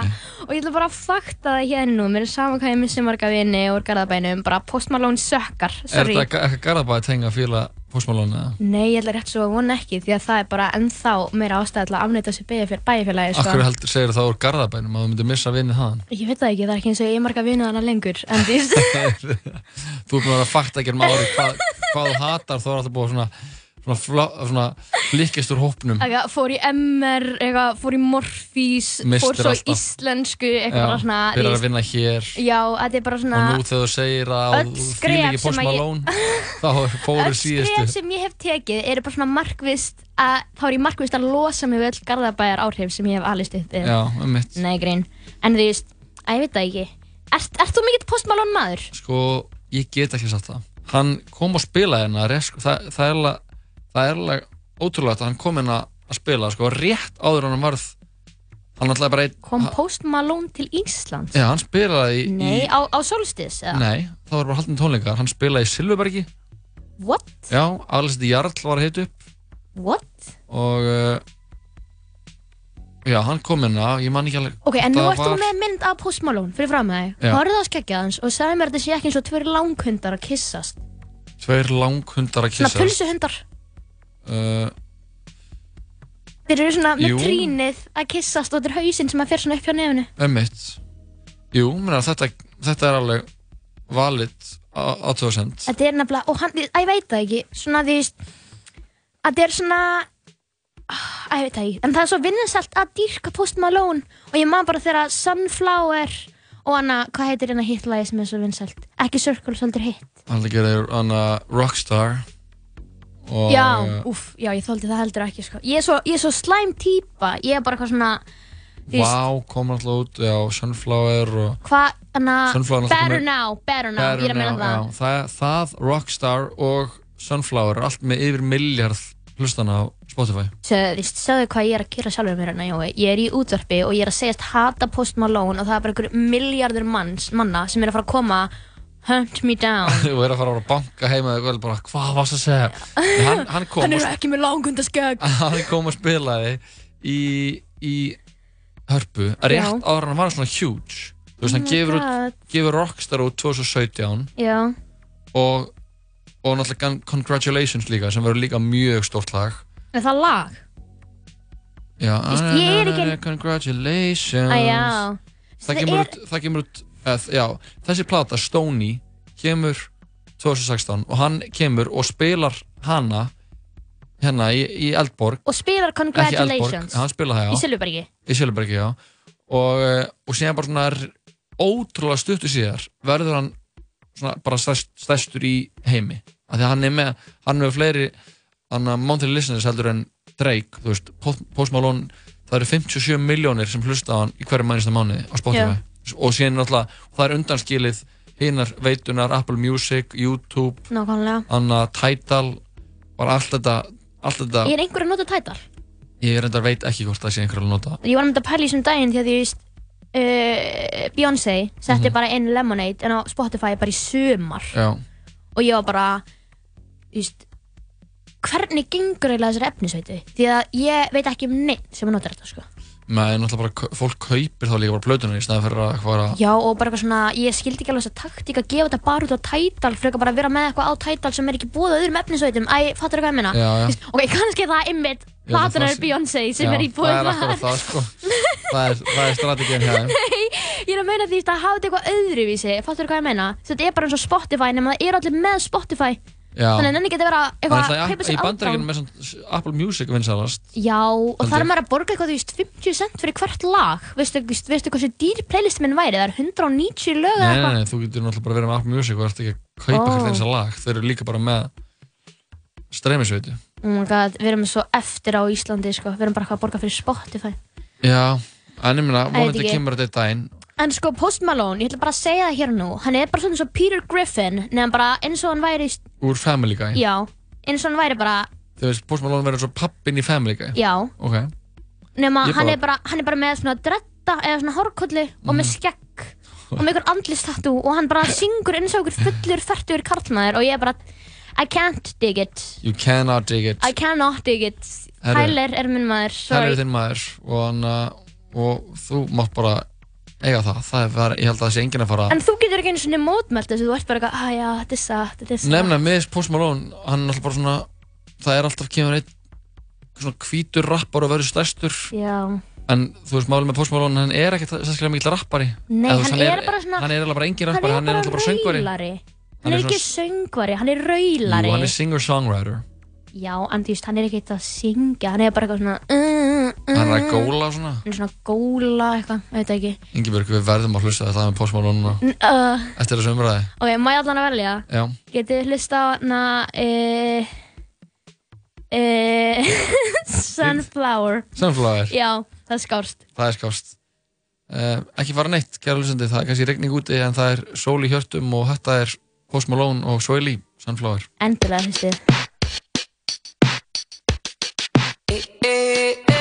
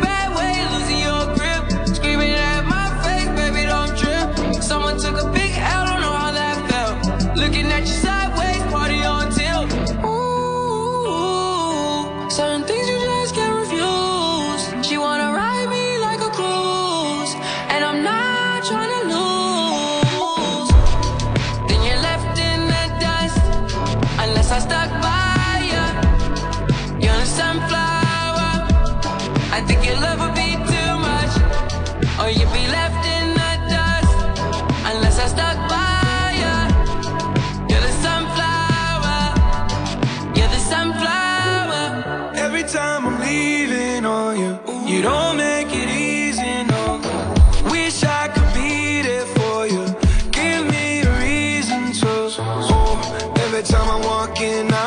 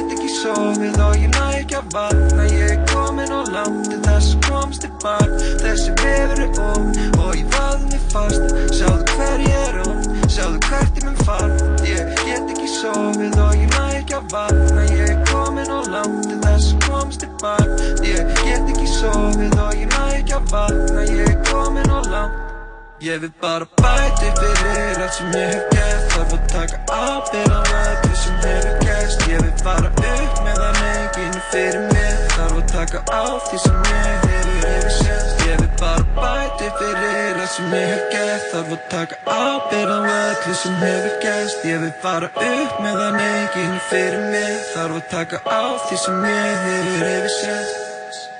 Hluti gerist og hann fer eins og fer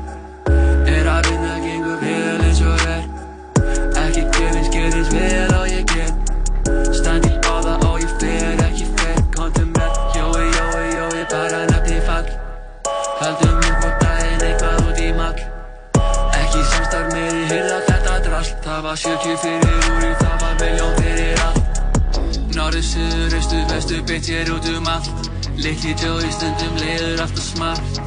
Get ekki lofið, nei ég segi alltaf satt Ef ég tek við þessar beigju getur það kosta mig allt Ég get ekki sofið og ég næ ekki að vakna Ég er komin á langt til þess að komast til bak Ég get ekki sofið og ég næ ekki að vakna Ég er komin á langt Ég vil bara bæti fyrir allt sem ég gert Þarf að taka ábyrgð á öllu sem hefur gerst. Ég vil fara upp meðan enginn er fyrir mér. Þarf að taka á því sem ég hefur yfir sérst Ég vil bara bæti fyrir allt sem ég hef gert. Þarf að taka ábyrgð á öllu sem hefur gerst. Ég vil fara upp meðan enginn er fyrir mér. Þarf að taka á því sem ég hefur yfir sérst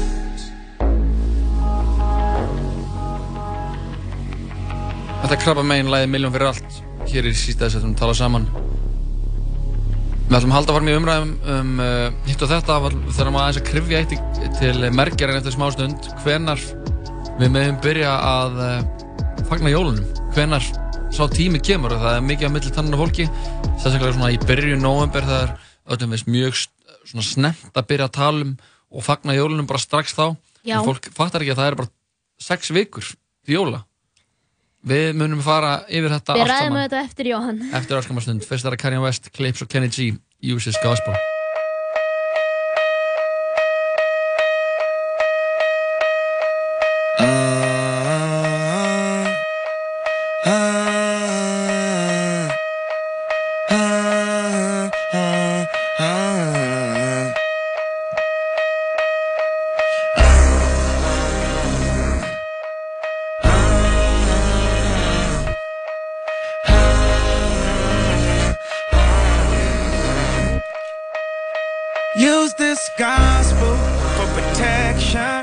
It's a hard road to heaven.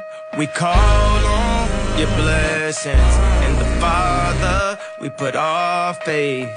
King of the kingdom, our demons are trembling. Holy angels defending. In the Father, we put our faith.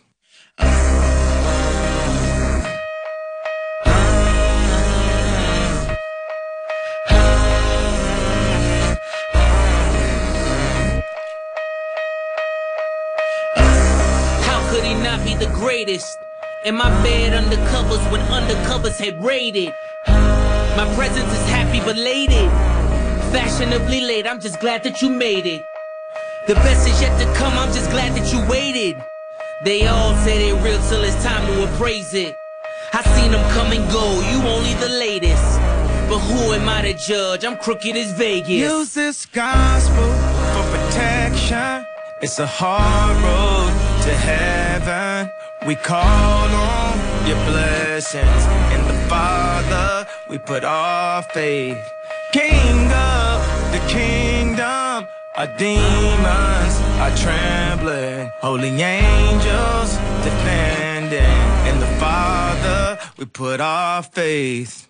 A lot of damaged souls, I done damaged those. And in my arrogance, took a camera pose. Caught with a trunk of Barry Manilow's.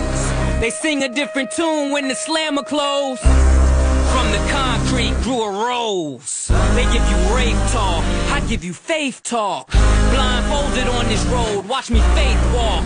Just hold on to your brother when his faith lost.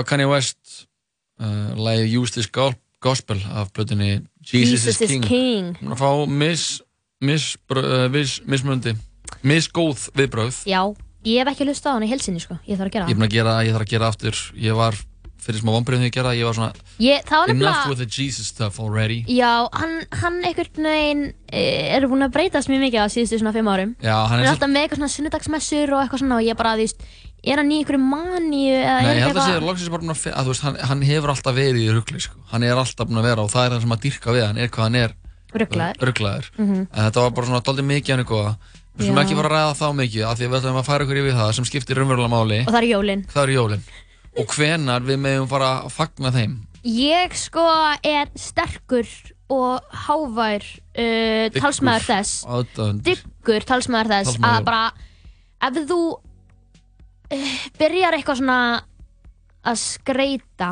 Mhm. eða hlusta á jólalögin Mhm. fyrir fyrsta DS eða fyrsta í aðvendu ef að fyrsta í aðvendu eitthvað svona er þýst 28. november eða eitthvað skilur Já, það ertu bara weird, sorry Já, er það? Já, ég er bara Ó, þú er bara þar Íst, fyrst í aðvendu Mhm. það er svona já, ok, ég Mhm. skil það en veist ég bara, ég meikit ekki, þú veist, bara eitthvað svona fyrsti nóg og þá byrja fólk að hlusta á jólalög. Ég bara, þú veist, ætla að halda upp á jólin einn sjötta af árinu, þetta eru tveir heilir mánuðir, En sko. fólki finnst bara gaman að halda upp á eitthvað. Já, eitthvað svona Þú byrt på veist, í dag skamdegi er og eitthvað. Singles Day, dagur hérna einhleipa Í gær var feðradagurinn. Þú veist, það er alltaf einhver dagur. Við erum alltaf bara að leita að einhverju tilefni. Gælur elska að halda upp á dag sem að skipta ekki inn einu fucking máli. Já, menn það er það sem skiptir máli Er að, að geta haldið upp á eitthvað Já, og þú veist, ég heyrði um daginn eitthvað svona að, ég man ekki einu svona, ég held að það hafi verið Bubbi sem að Mhm. tvíta þessu, Mhm. eitthvað svona líkitinn að hamingir að hlakka til einhvers á hverju minnsta degi. Og ég var alveg bara svona, það er alveg eitthvað til í því. Þú veist bara, Bubbi Bubbi, já, you spoke to my core. Já. nei, nei, nei. En þú veist, jólin er eitthvað annað dæmi, það er hellinga öðrum hlutum sem þú getur byrjað að hlakka til án þess að hlakka til jólana fyrsta nóvember. Hverju ættum maður, að þú veist, til Singles ættum Day, ég er bara búin að hlakka til Singles Day. Nei, þú vissir bara að það verið til áðan Nei. Til Ég- hvers ættum maður að hlakka núna? Uh, til jólaprána? Nei, ég veit ekki. Ég Það að er ekkert til, þú veist, maður, maður verður bara að hafa eitthvað til að Ert þú byrjar að skreita heima og hlusta jólalögi á þig? Eh, Segðu mér að þú byrjar að, veist, nákvæmlega, þú veist, En, maður gerir það En ekki. kærstan er komin mikið í jólastuð Er það? Er Alma bara, íst, Hún, er, hún var Að alveg til að Bublé? Hún myndi alveg, já, hún er byrjað að hlusta Michael Bublé Í alvörunni? Já, og, hana, og það er byrjað að setja upp jólaskjöldingar bara í miðbæ Og Já, ég sá byrjað að það. setja seríur í trén já, veist, mér finnst þetta bara, ég skil alveg, ég ætla ekki að taka, taka þetta af fólki. Nei. Fólk er bara að leita sér að byrja í skamdeginu og ég Mhm. skil það alveg. Mhm. En þú veist, ég held ég erfitt að bara fá fjölskyldinu minni. Þau eru öll svona mjög svona bara... Þeir eru smá grinch í ykkur, kannski? Það er rétt, já, en veistu ekkert um mig. Ég er bara hér til að eðalega hafa mikið annara En þú veist e, ég veit það ekki, mér finnst bara svona að vera svona, þú veist, mér finnst alltaf svona sam, sami mergur verið í máli fólk sem að er svona á móti þess að þetta sé svona teikt yfir. Og það Mhm. bara, þú veist, ef þið eru alltaf að halda upp á jólinn þá eru jólinn ekki neitt skemmtilegt. Og því að það var bara svona, maður er svona svo vanur því eða það er, Já, það er en teikt er yfir. jólinn samt ekki meiri eitthvað svona hugafar? Hátiljós og friðar, það sé, að það sé huggulegt, að það sé Já, svona eitthvað kósi, maður vera með vill fjölskyldunni. halda það Mhm. en svo var ég að tala um þetta um við ykkur í gær og þú veist, orðin- eru orðina svo mikil neysluhátíð Hún búin að, þau eru búin að vera það mjög lengi. Já, ég veit, en þú veist, upphaf jólana var bara eitthvað svona hátiljós og friðar, vera með fjölskyldinni og það nú er þetta bara eitthvað svona í jötunni. Já, Vilt þú halda bara í það? Ég vil- bara, ég vil bara vera- ég vil vera í moldarkofa í jötu að halda upp á jólinn Nei, ég bara segi því, veist mig langar eiginlega meira að það sé minni eitthvað svona að vera að auglýsa hvað þú átt að geta keift jólagjafir í lok oktober og byrju november og auglýsa eitthvað svona tilbúðar og jólahlaðbor og fólk sé bara eitthvað að háma í sig eitthvað ógeðslega svín, ógeðslegt svínakjöt og þamba jólaöl eitthvað í november og fá bara eitthvað svona hjarta áfall Já, sé bara að þjappa inn í aðeinar. Já. Þannig er frétt á uh, vef, uh, að, að vef morgunblæsins frá Já, já. í oktober Já, sem uh, hef, hef, ber yfirskriftina 78 tegundur af jólabjóri ár. það er ógeðslegt Það er alveg ógeðslegt, sko. Ég er alveg Það tilbúin að skrifa undir það. Vist, Ég er ekkert að móti því að þú ert eitthvað svona að halda og bara Jólabjór skreita hefur líka ekkert með jólin að gera, sko. Nei, nei, nei, nei, og líka bara það, þú veist bara frábært að þú ætlar að, að þú vilt bara skreita inni hjá þér, skilur Mhm. Ég skilði það ekki, en maður á bara, bara virðingu fyrir öðru fólki Já. Þannig að bara gerðu þú það, þú vilt You do það you. You do you, boo, eins og við segjum okkur í íslensku Aha. En, þú veist, þegar það verða að tróða svo inn í kokið á þér Þú veist, IKEA-geitin var sett upp 25. oktober eða eitthvað. IKEA-geitin. IKEA, IKEA Með svo að segja ekja getið. It's a IK Ekja getið. IKEA Virtual, uh, nei Í IKEA, IKEA. geitin var sett upp eitthvað 25. oktober eða eitthvað já. er ekki lægi heima hjá fólki En það er alveg bara að þú ferði í IKEA, það er byrjað að selja jóldótt þar heldur en það fer ég ekki í IKEA fyrir hann bara, þú veist, ég forðast IKEA eins og heitan eldin ég náttúrulega, við erum búin að segja þetta í sem þætti ég bý í Garðabæ, það er alveg erfitt fyrir maður að fara ekki í IKEA Einmitt. en ég bara geta það ekki, ég verð bara pyrruð Ég fór líka í uh, maturhörslunum daginn og það er bara, var búið að negla upp uh, hveiti básunum og hann að hveitibásunum Já, bara fyrir það sem er að baka og uh, allt sem þú þarft í að gera svona lakrístoppa oh my god, ok. Erst ég, þú fílar ekki baksturinn kringum jólun heldur eða? ég er náttúrulega vegan sko, þannig ég er ekki eitthvað mikið í jólabakstri sko. Það er alveg að baka, þú ert vegan. Já, en bara ég er einhvern veginn, ég er bara búin að vorkina sjálfur mér svo mikið að ég get ekki borðað, já, lakristoppan samt en ég get að gera neitt í því dæmi, fattar við? Einmitt. Þú þarf haldið bara að finna jólin innra með þér, Ingeborg Ég held að það sé kannski bara En ok, ég, ég er alveg tilbúin að viðkynna það að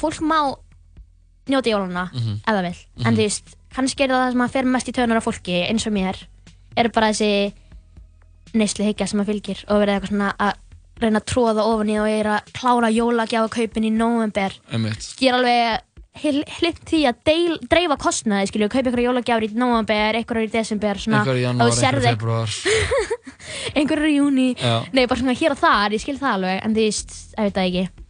Erum við ekki bara öll sammála um það að neyslu hyggja sér slæm? Uh, Við erum mörg sammála því En ég held að það séu sumir sem eru ekki alveg á því. Nei. Svona er þetta, við erum bara mörg og mismunandi og mismunandi skoðanir. Já, en, mörgu. en uh, við skiljum, skiljum uh, bestu kveðjum til allra jólabarna sem eru að lusta þáttinn, þetta voru örugglega mikil kvöl að lusta á mig. Já, fólk er hefur ákveðið þurft að skipta um stöð. Já, já, bara njóti dagsins og hlusta á Michael Bublé í friði heima hjá ykkur, ekki spilað upp átt. Og gleðileg jól. Gleðileg jól. Herru, færum okkur í smá meiri músík. Þetta er uh, rapparinn, R&B tónlistamæðurinn uh, Jacques sem var að gefa út plötuna King of R&B Lægið heitir uh, All You Need ásand Quavo og Bluff City hér í síta þennum tala saman Ekki vara neitt, við höldum áfram hérna til kl. 6 í dag og erum í jólastuði Rich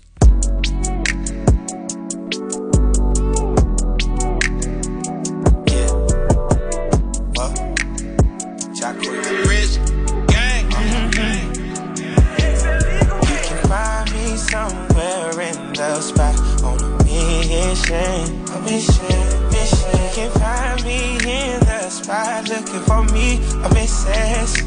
I'm incest. Got my eyes locked on this brown tone. Sexy, well known woman. Woman. She got a vibe and I came missing. I wanna put it down on this mission. mission. I wonder will she go there with me, with me?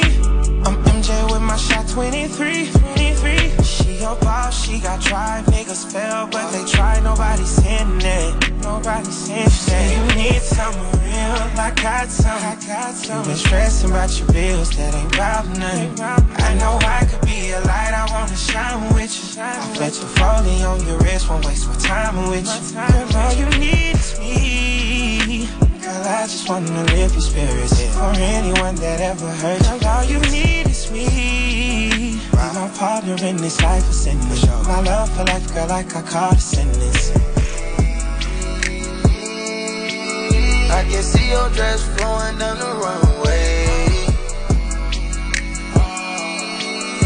Cause I'ma put a ring on it one day. Oh, she dripping wet now. She got my respect now. We came from the bottom down. I know that she worth it. She shaped like a bottle, it's no serving. She don't cut no corners, she's so perfect. Looking like she straight off the runway. She get my. Her little ass is nice. I'ma be in my bag tonight. She wanna dance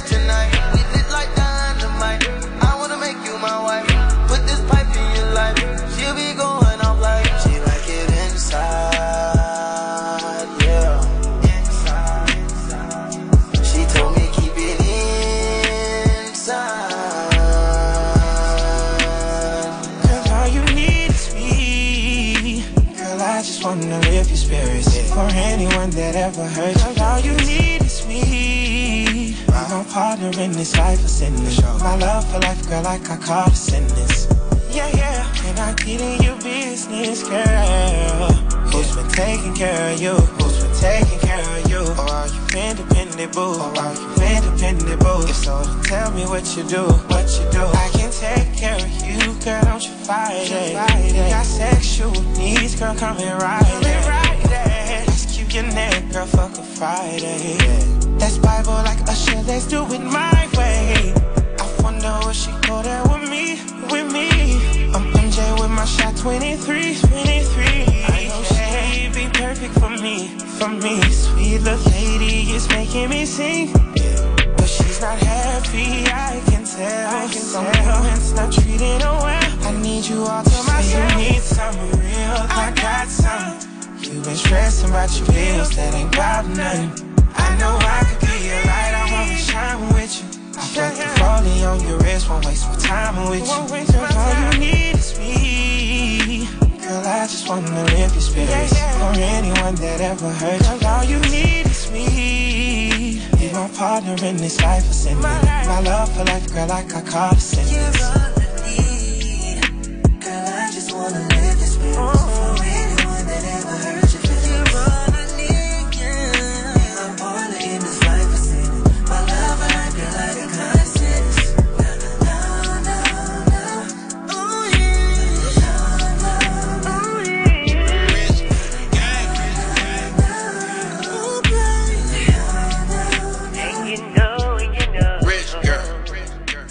Tónlistamæðurinn Shaq ásand Quavo og Bluff City Lægi heitir All You Need af nýjustu plötu kappans uh, King of R&B Heldur betur. Varst ekki fylgta?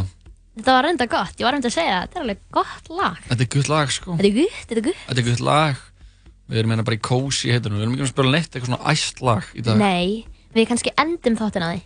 Kannski Kannski ekki. kannski ekki Það er með það mun bara koma í ljós Hlustaðu til til að koma staði í hvað við gerum. Við þurfum að fylgjast með Því miður.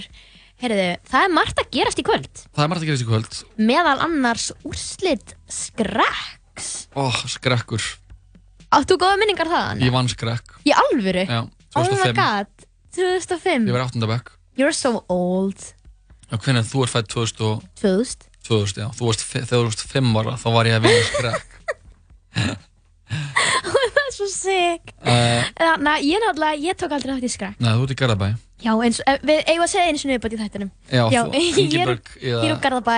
SZ úr Garðabæ En já, það er sem sagt úrslit skrekks í kvöld Mhm. og ég veit ekki með þig, kæri hlustandi en ég ætla svo sannlega að fylgjast með og það eru Árbæðaskóli, Breiðholtsskóli, Hagaskóli, Hátegsskóli, Hlíðaskóli, Laugalækjaskóli, Réttarholtsskóli og Seljaskóli sem etja munu kappi.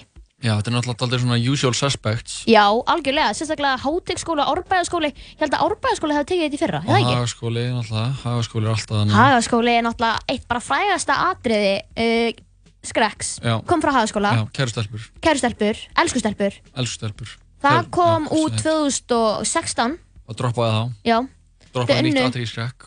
Það var, þau unnu þá. Og þetta atriði fór eins og eldur um sinu, sem er það ekki? eldur í sinu eldur í sinu, eldur um sinu og var ótrúlega flott atrið og hefur svolítið og Kingsar sem að voru með þetta atrið uh, Una Torfudóttir, Marja Einarsdóttir og fleiri Mhm.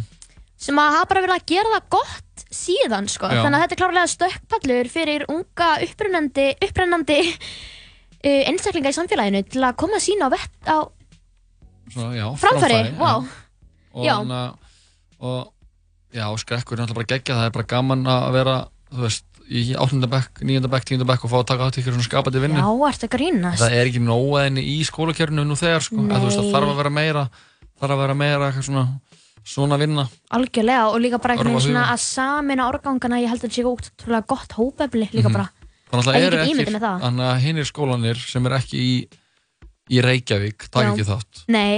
og er það ekki smá skellur eða? það var, það voru, jú það voru, það var alveg skellur það voru ykkur upp ykkur hugmyndir þegar ég var í 8. bekk eða 9. bekk um að, þú veist, ég var í svona rá, ungbennaráði og það voru ykkur upp ykkur hugmyndir um að búa til eitthvað svona fyrir Kópó og, og, og Garðabæ eitthvað annað þá bara Já, bara svona svipaða keppni og síðan myndu sigurverðinur þessum tveim keppnum keppa Nei, nei, nei, bara sér Já, keppni já, já.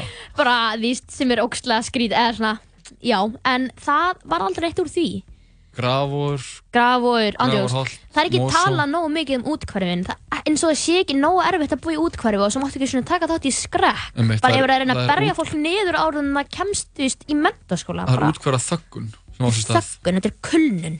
Kulnun? Ég er að djóka. Já, ég veit ekki hvað þessi kulnun þetta er einhvers ég, konar ég veit þöggun. ekki hvað kulnun þýðir þannig að ég er bara svona skeið er bara,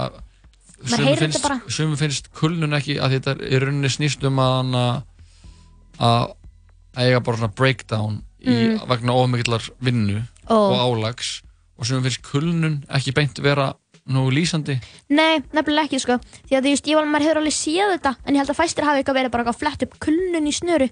Það er, er, er öruglega ekki einu svona í snöru sko. Nei, nei, nei. Ég einhvern veginn bara svona gerði það fyrir að það væri öruglega eitthvað svona svipa Bara eitthvað svona uh, Að er Langþreita að ég, og er svona, að ég hef aldrei er þreyttur eitthvað að vera Já. en þú veist, ég held að þegar maður fáið kulnun það er frekar bara svona eins og að fá taugafall en þú veist, Er það? já, Er þú það alveg bara, svona alvarlegt? já, þú bara, fólk fólk hefur bara farið kul, fengið kulnun í starfi og annað eða bara fengið, þú veist, þetta er náttúrulega bara eins og að fá hann að vekt taugafall Já. og bara ekki geta unnið í nokkur ár eftir það, sko Í alvöru? Já, Oh að my þú God. bara, fólk vinnur yfir sig Nú líður mér illa fyrir að hafa verið eitthvað svona name-droppað þessu í eitthvað svona komisku samhengi Því að það er Alberg, fólk mun ringja henni inn og senda okkur er og við munum neðast til þess að, bara leifa þær að láta þið fara eftir Ándjóks, grín. ég held að vera bara öllum fyrir bestu því að ég held áfram að sverta mannorð mitt Já. í beinni. Ég hef búin að vera að name-droppa kunnun í starfi í ykkur óviðeigandi samhengi í kringum ykkur grunnskóla krakka sem er að taka þetta í skrekk sem eiga bara alla framtíðina fyrir sér. Mhm. Ég er búin að segja fyrir hittir alþjóð að ég hati Post Malone. Já. Ég kom úr garðabænum með bara, þú veist, ég myndi afhauðsa mig ef ég væri þú, sko. Já, að kæra hlustandi, við bara bara, við fyrstur droppum- kemur, fyrstur fær. Við droppum bara heimilisfangarinn Ingebergar á heimasíðun okkar og þau getur farið bara og, og tekið hana lífi Já. ef það er það sem ég viljið Ég na, mun setja svona pól á. Instagram mitt bara ég vil láta grýta mig Eh, ég vil láta eh, drega mér En uh, já, ég dyrka skrekk og með þess það bara svona það er bara eitt uppáhald, mitt við grunnskóla í Reykjavík Já. og þessi keppni og bara að það sé hægt að ég vona bara á einhver- einhvern tímpúti fannst mér skrekkur að allur farin að vera svo pólitískur þetta var sniðist allt um eitthvað svona Já. að vera eitthvað svona pólitísk rétthugsun var farin að svona eitthvað rönna skrekk með þess að þetta fólk eigi svona líka einkenna já, að fólk eigi líka bara að fá að- að- að að feta sig áfram í fagufræði og þau eru ekki að vera með hugmyndafræði endalaust á bakinu Algjörlega. en séðan alltaf að koma upp annað atrið og, og annað listafólk sem getur náða að framkalla atrið eins og annað elsku stelpur Já. þar sem hugmyndafræði og, annað, og fagufræði er einhvern veginn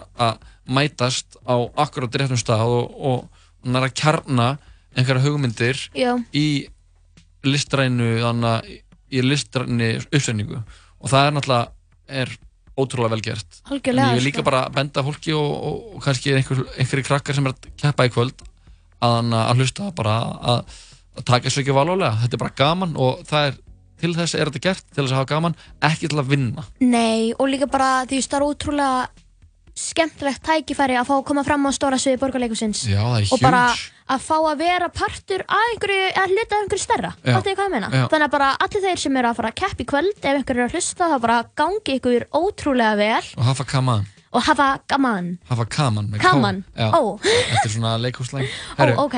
færum okkur í músík þetta Já. er af eh, nýjustu plötu Grísalappa Lísa Grísulabba Lísu sem er að hætta því miður Nei Þetta er síðasta plata þeirra, þeim kom inn í þáttinn til okkar og áttu síðan víst einhverja kick-ass tónleika á Airwaves. Já, maður heyrði það því sko Þetta er eitt af mínum uppfólslögum á flutunni og eh, heitir Við hæfi.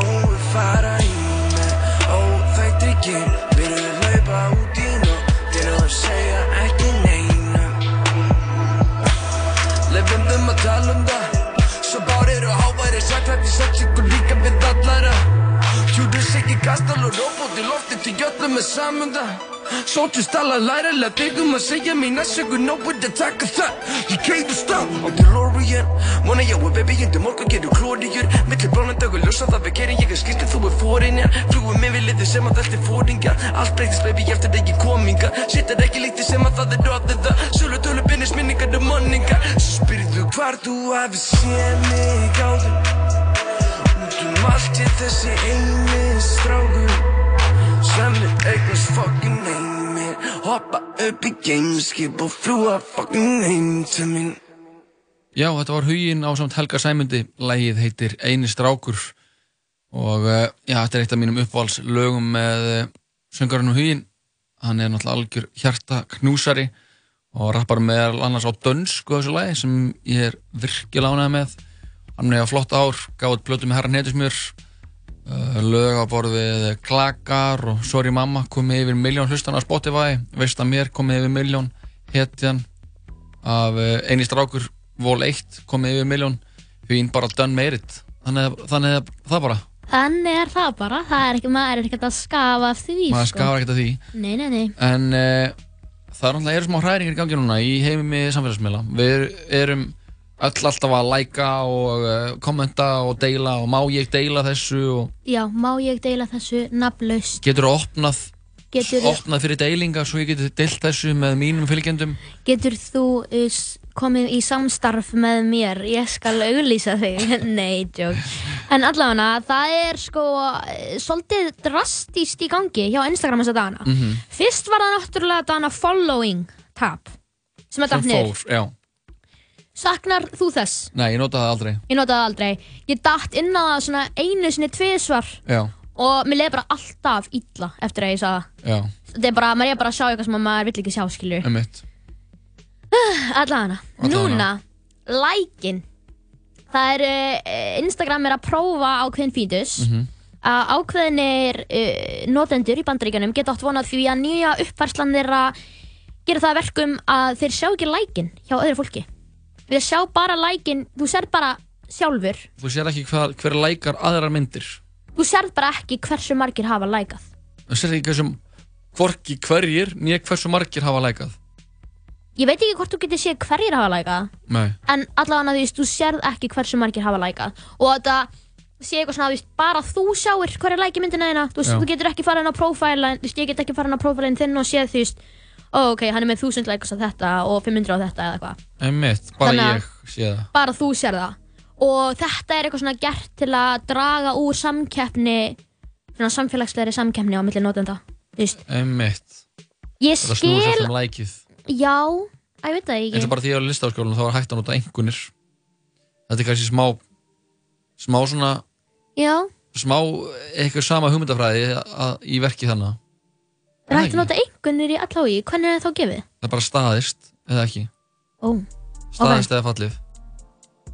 Ok, og þá snýst þetta ekki um þú veist eitthvað að reyna að ná hæstu einhvern heldur bara að þú náir, Gerir þitt besta. gerir þitt besta og Mhm. sért ánæður eða ánæð með það og það sé það eina sem skiptir máli Já, og þannig að ég var Ég já, minn árgangur sko. var svona var, var síðast árgangurinn til að nota einhvernir. einhvernir Ok. og á síðast árinu og var einhver bóðið upp á að fá annarkvort staðist eða einhvern og held ég allir nema einn í bekknum minnum sem völdu að fá bara staðist Staðist, já, ég skil alveg sérstaklega einhverju svona uh, framhaldsnámi eða svona, eða, eða ég veit það ekki, kannski bara á öllum skólastíðum, hvort það sé bara snögt. Mér finnst þetta alveg hljóma þannig, sko. Já, Eða bara eitthvað svona, sko. í staðan fyrir að segja, ekki staðist, bara þarnast frekari aðtöðunar. já, já, ábútavant Ábútavant, nákvæmlega. En já, með þessi like, ég veit ekki alveg hvað mér finnst um þetta. Ég ætla bara að lega mér að segja það að, þú veist, auðvitað, ég er bara hlekkur í keðju samfélagsins Mhm, mhm. og auðvitað er mér ekki sama, þú veist, maður tekur alveg eftir því, fattur við, ef einhver mynd fær færri likes en venjulega. Maður er bara svona, ok, er þetta ekki gott content? Emitt ég er einn að pumpa út contenti fyrir fylgjandi mína er að og þeir eru ekki að læka Dæla út efni og Vill enginn sjá þetta? þú veist, ég bara posta einhverju, einhverju flippi, ég meina, þú veist, ég, þegar ég var eh, fyrir svona fimm árum, þá var mér meira sama hvað ég postaði Mhm. og ég postaði, Já, emitt bara eitthvað svona sem hann er að blikka. Já, og na, mynda na, eina vondakallanum í Shrek. Na, Lord Farquaad. Já, já. eitthvað upp í rúmi með martini glas. Þú varst basically, þú basically að segja að þið, þú pæltir ekki mikið, þú varst ekki meðvituð um Nei. hvað þú varst að senda frá þér. Nei, maður verður meðvitaðari með það með aldrinum eitthvað þegar maður fyrir að átta sig á því að fólk sem er kannski að fara að ráða því í starf sé að skoða Instagram Ég held að það sé líka bara þú ferð að spáið í hvað fólk lækar. Já. Er það ekki? Jú, ég meina- eitthvað Lord Farquaad var ekkert að raðin lækum, ég fer ekkert að skafa af því að hann fekk svona 15 Já. Nei, ok, kannski svona 30 En því, ég meina, að ég veit það ekki, hvað hann sér um þetta? Hvað er með input? Mér finnst- þetta bara flott sko. Það En þú fær líka alltaf nóga lækum Já, en ég veit ekki, það, ég, mér finnst það ekki að hafa góð áhrif á mig hvað maður fær mikið að lækum eða þú veist, þegar maður fær ekki að mikið að læka á eitt og ekki á annað þú veist, ég er alveg áður en áður en ég byrja að fá einhver svona, alltaf eitthvað mörg hundur læk Já, þá postaði ég miklu svona fjálglegar og miklu meira bara eitthvað sem ég erst áhugavert og fyndi það flott og var að taka ljósmyndir og, var að, þú veist, miklu meira pæli að taka myndir heldur en að vera eitthvað bara að sína eitthvað Sýna eitthvað- þú veist, eitthvað sem er svona up and coming eða Já, svona. eða sína eitthvað svona, eitthvað áfanga þú veist, þetta snýðist ekki allt um þetta, þetta kerfi. Já, ég er sammála, sko Ég man eftir því þegar Instagram var að byrja Ég var eitthvað svona að rifja upp, ég dílitaði öllu Sko, á gamla Instagraminu mínu Þegar ég var svona á viðkomum árum Já, já. Sem ég sé ógstlega mikið eftir. Því að, veist, ég var að posta bara eitthvað svona Því sem ég kipti í kólaportinu. Eitthvað svona bara, var að kaupa notaða Bridget Jones book Fann hana loksins notaða Eitthvað var bara geðveikt ánæg Og þú veist, ég er bara búin að dílita þessu. Þú veist, það var ekki til eitthvað archive eins og það er núna. Einmitt, einmitt, núna er valla hægt að díla þetta. uh, Röglega hægt að dílita Já, en, veist- en allan á Instagram það þá áfram. Sem maður eigðir einhver frá þeim, sko. Getur maður eitthvað, getur maður, ég von, heldur það sé hægt að nálgast eitthvað staðar myndir sem maður hefur til þetta? Þú, mm, þarf bara að senda eitthvað tölvupóst. Að það? Það auðvitað blöð lendi í þessu núna fyrir helgi að það var, hann var hakkaður. Nei? Jú, hann var hakkaður, það var öllu eitt og hann að, og gæinn breytti um sko e-mail og password og bjóti nýtt e-mail fyrir þetta blöða og notaði, lit hann vera með þú veist gamla passwordið sitt þar þannig að þegar auðvitað löggaði sig inn þá var eins og hann væri bara komin nýr aðgangur fyrir hann sem bara var enginn var að followa og gaurinn bara sem hakkaði hann ég veit ekki hvað hann ætlaði að gera við hann hann ætlaði ábygglega að selja aðganginn Oh my hann god. auðvitað í gegnum einhver, Er verið að selja aðganga? já, selja aðgang með, með einhverjum 20.000 fylgjandi á Bara eitthvað svona Það er bara Íslendingar, ég meina það vita allir hver öddi blöð er, þú veist, Þannig á Íslandi, já, en Já, ekki en þú veist, heldur, Þetta var erlendir, sko. Já, heldur því, eitthvað svona erlendur aðilið sem er að reyna að selja Instagram aðgangin hjá ödda blöð að fólk viti ekki að því að þetta er ekki öddi blöð sem er að posta, bara eitthvað svona, hvað var þeim blöðpúp, Já, en það er bara þegar þú ert komin að þetta er náttúrulega þekk, þú veist, þekkir engin landamæri. Nei. Þannig að þú ert bara með eitthvað aðgang sem með gæða marga þú veist, 40.000 fylgjendur og ert einhvers staðar að búa til nafn fyrir hann aðgangustæðar á einhverjum öðrum markið heldur en hérna um íslenska þá er það náttúrulega eitthvað að virði í því sko að geta vera með svona mikið fylgi þrátt fyrir að þú myndir kannski, það væri kannski eitthvað brottfall um leið og íslensku aðdándurinn sjá að, að blöð púp er bara að fara inn að posta einhverjum ég veit ekki hverju, hverju á að Oh fara að posta. God. Ég ætla líka bara að koma, ég man eftir sko, John Paul Jones, veistu hvað það er? Úr Bachelor, Nei, Bachelorette minni ég. Nei, veit ekki hvað það er. Ég, fylg, ég fylgist með því, ég ætla bara að segja það. Já, ég, við hefum rætt þetta oft hérna og Já, ég já, hef já. alveg hort á þetta, þetta er ég, skemmtilegt na, ég get ekki svart mannorð mitt eitthvað meira. Þannig að þú veist, bara let Þú it er bara go. komin á botnin Já, ég er komin á botn Já. En þú veist, og ég var að fylgja honum, varst hann alveg frábær Þannig að hann fór að gera eitthvað svona skrýhnu hluti, skiljur Mhm, mhm. En hann var einmitt bara hakkaður Og það var einhver gæi sem var bara eitthvað með eitthvað svona hótanir á stóriunni hjá honum. Bara eitthvað Já. svona I will give you your account back if you follow me Eða eitthvað svona, bara eitthvað svona fáránlegt. Og þetta er bara eitthvað svona business hjá einhverjum uh, hópi. En- Þetta er bara, já, þetta, fólk, fólk gerir þetta. Veistu, Þannig að, ok, ég held að mergur málsinn sé þá, sé þá, sá, Sá, sá. Að þú veist, fólki er ekki sama. Þér er kannski, eða svona, mér er ekki sama. Nei. veist, en, það, en ef að fólk er að geta ef að fólk fær hagnaði því að selja Instagram-akkánta, Mhm. þá er fólki klárlega ekki sama um hversu marga fylgjendur það er með nei og hversu mörg like, og það eru þetta bara staðrind Já, það er kannski, kannski er þessi, þetta skref sem Instagram er að taka Já. líka liður því að, að, að einhvern veginn að, að, dimis, diminisa þennan markað að, einhvern veginn að gera lítið úr honum að þessi vera að selja eitthvað aðganga með fjölda fylgjenda á til þess að að hætta að hampa þessum lækum og freka bara Já. efninu sjálfu og fólk getur bara anna, fólk getur bara byrta sem það bara vil gert það sem það vil, ég er alveg sammála að þessu og ég er í alvörunni hlind þessu en það er samt eitthvað svona sem er bara kerfisbundið í mann skilur bara að þetta skiptir máli. Eða þú veist, maður er Það bara svo vanur að efni- skiptir það er máli líka bara einhver efni sem maður fær í heilan þegar maður fær læk sko. já, þannig að it's kannski- called oxycodone. Serotonin. Herri, við förum að kveðja eftir smá en Já. við slum fá eitt lag fyrst, það Já, hvað ætlar að koma með fyrir okkur núna, Ég Jóhann? bara að spila hann Daníl Daníl? Hann er búin að að fá þvílíkt gott streymi á nýrplötunum sína. Já, hvað heitir hún að hlusta. Hún heitir 300 300? Já, Danny 300 Ok, Og uh, þetta lag, þetta er uppáhaldstæmi til plötunni. Þetta get ekki svarað. Get ekki Eh, svarað. Síðasta lagi sem þeir gerðu á plötunni og er jafnframt síðasta lag plötunar Og þetta er svona, þetta er fallegt Ok. Þetta er rólegt. Rólegt Þetta er fínt fyrir myrkan, blöytan mánudag Það Já. er náttúrulega komið bara myrkur út úr núna. Já, það er bara kósi stemmari. Það er kósi stemmari.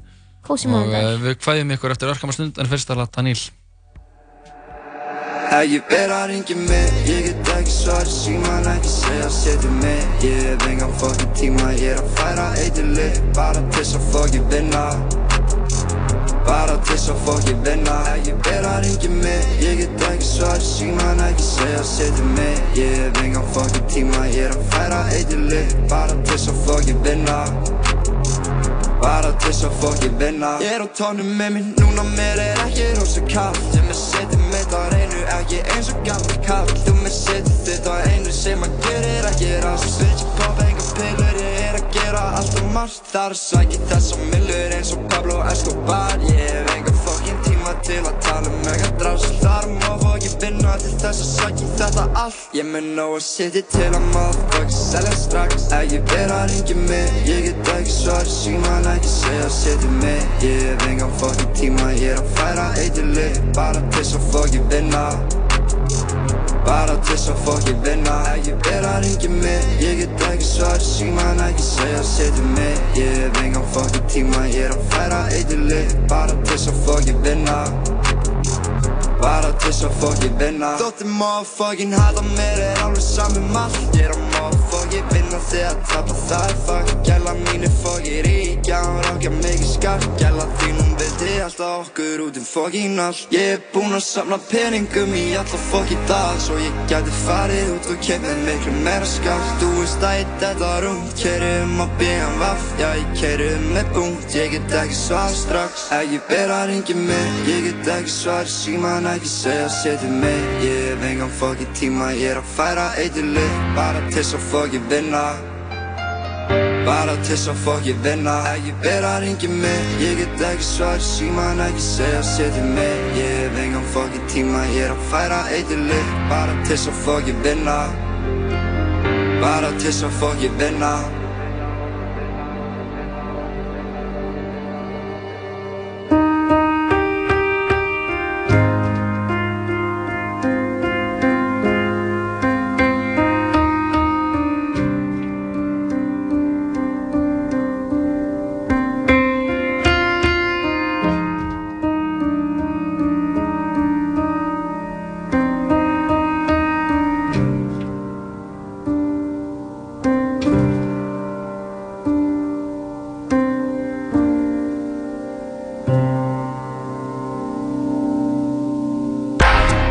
sambandsappið og komdu í sambandið.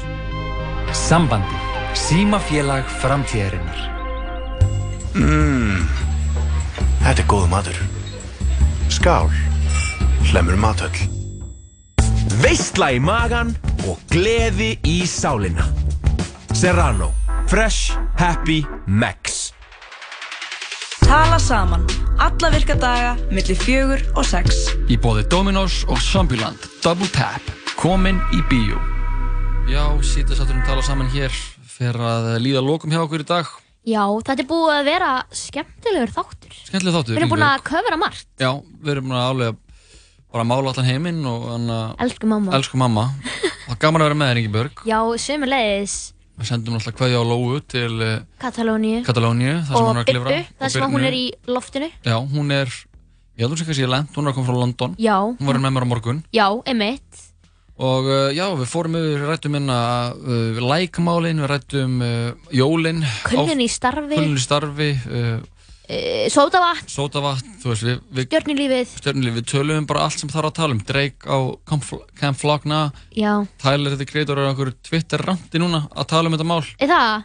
að skamma aðdæmundur sína og, og, hát, og svona Ég tek það sem þetta til mín. þessa tónleika Ég tek þetta til mín. Þú tekur þetta til þín Þannig að já, bara ótrúlega kósi mánudagur og ég vona að hlustendur hafi það næs í dag.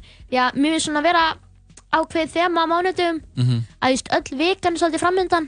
Já, þetta setur Maður er svona svolítið svona ómögulegur, skilur Já, já. bara... ó, Þú ég þarft að setja tónin vel sko. Já, bara ég á eftir að skila þessu verkefni, gera þetta, skila þessu að mér. Mhm. En bara, maður tekur bara einn dag í einu og mánudagur, þetta er góðu dagur, skilur Já, mánudagur fyrir mood Mánudagur fyrir mood, nákvæmlega. Mood mánudagur. Maður tekur einn dag í einu og þá klárast þetta að lókjum. Mér langar að enda þetta á mínu, einum af mínum uppáhaldslögum Ertu Já, til í það? ég er svo til í það. Þetta er uh, hljómsveitin Nirvana á sínum hinstu tónleikum uh, MTV Unplugged. Ok, og uh, coverlag eftir uh, hljómsveitina uh, einhverja hljómsveit, gamla já, lagið heitir Lake of Fire. Já, The Meat Puppets. Ok. Þannig hvort að þetta sé kannski ekki, ég er kannski að fara með randmál að þannig að þessi útgáfa af þessu lagi Nirvana er eitt af besta sem ég veit og er fullkomin endir á mót saman. Frábært, þannig að þið sem eru búin að hlusta núna á Mhm. allan þáttinn til að koma að staði hvort við ætlum að enda þetta hátt uppi eða látt niðri, þið fáið svarið núna. Já.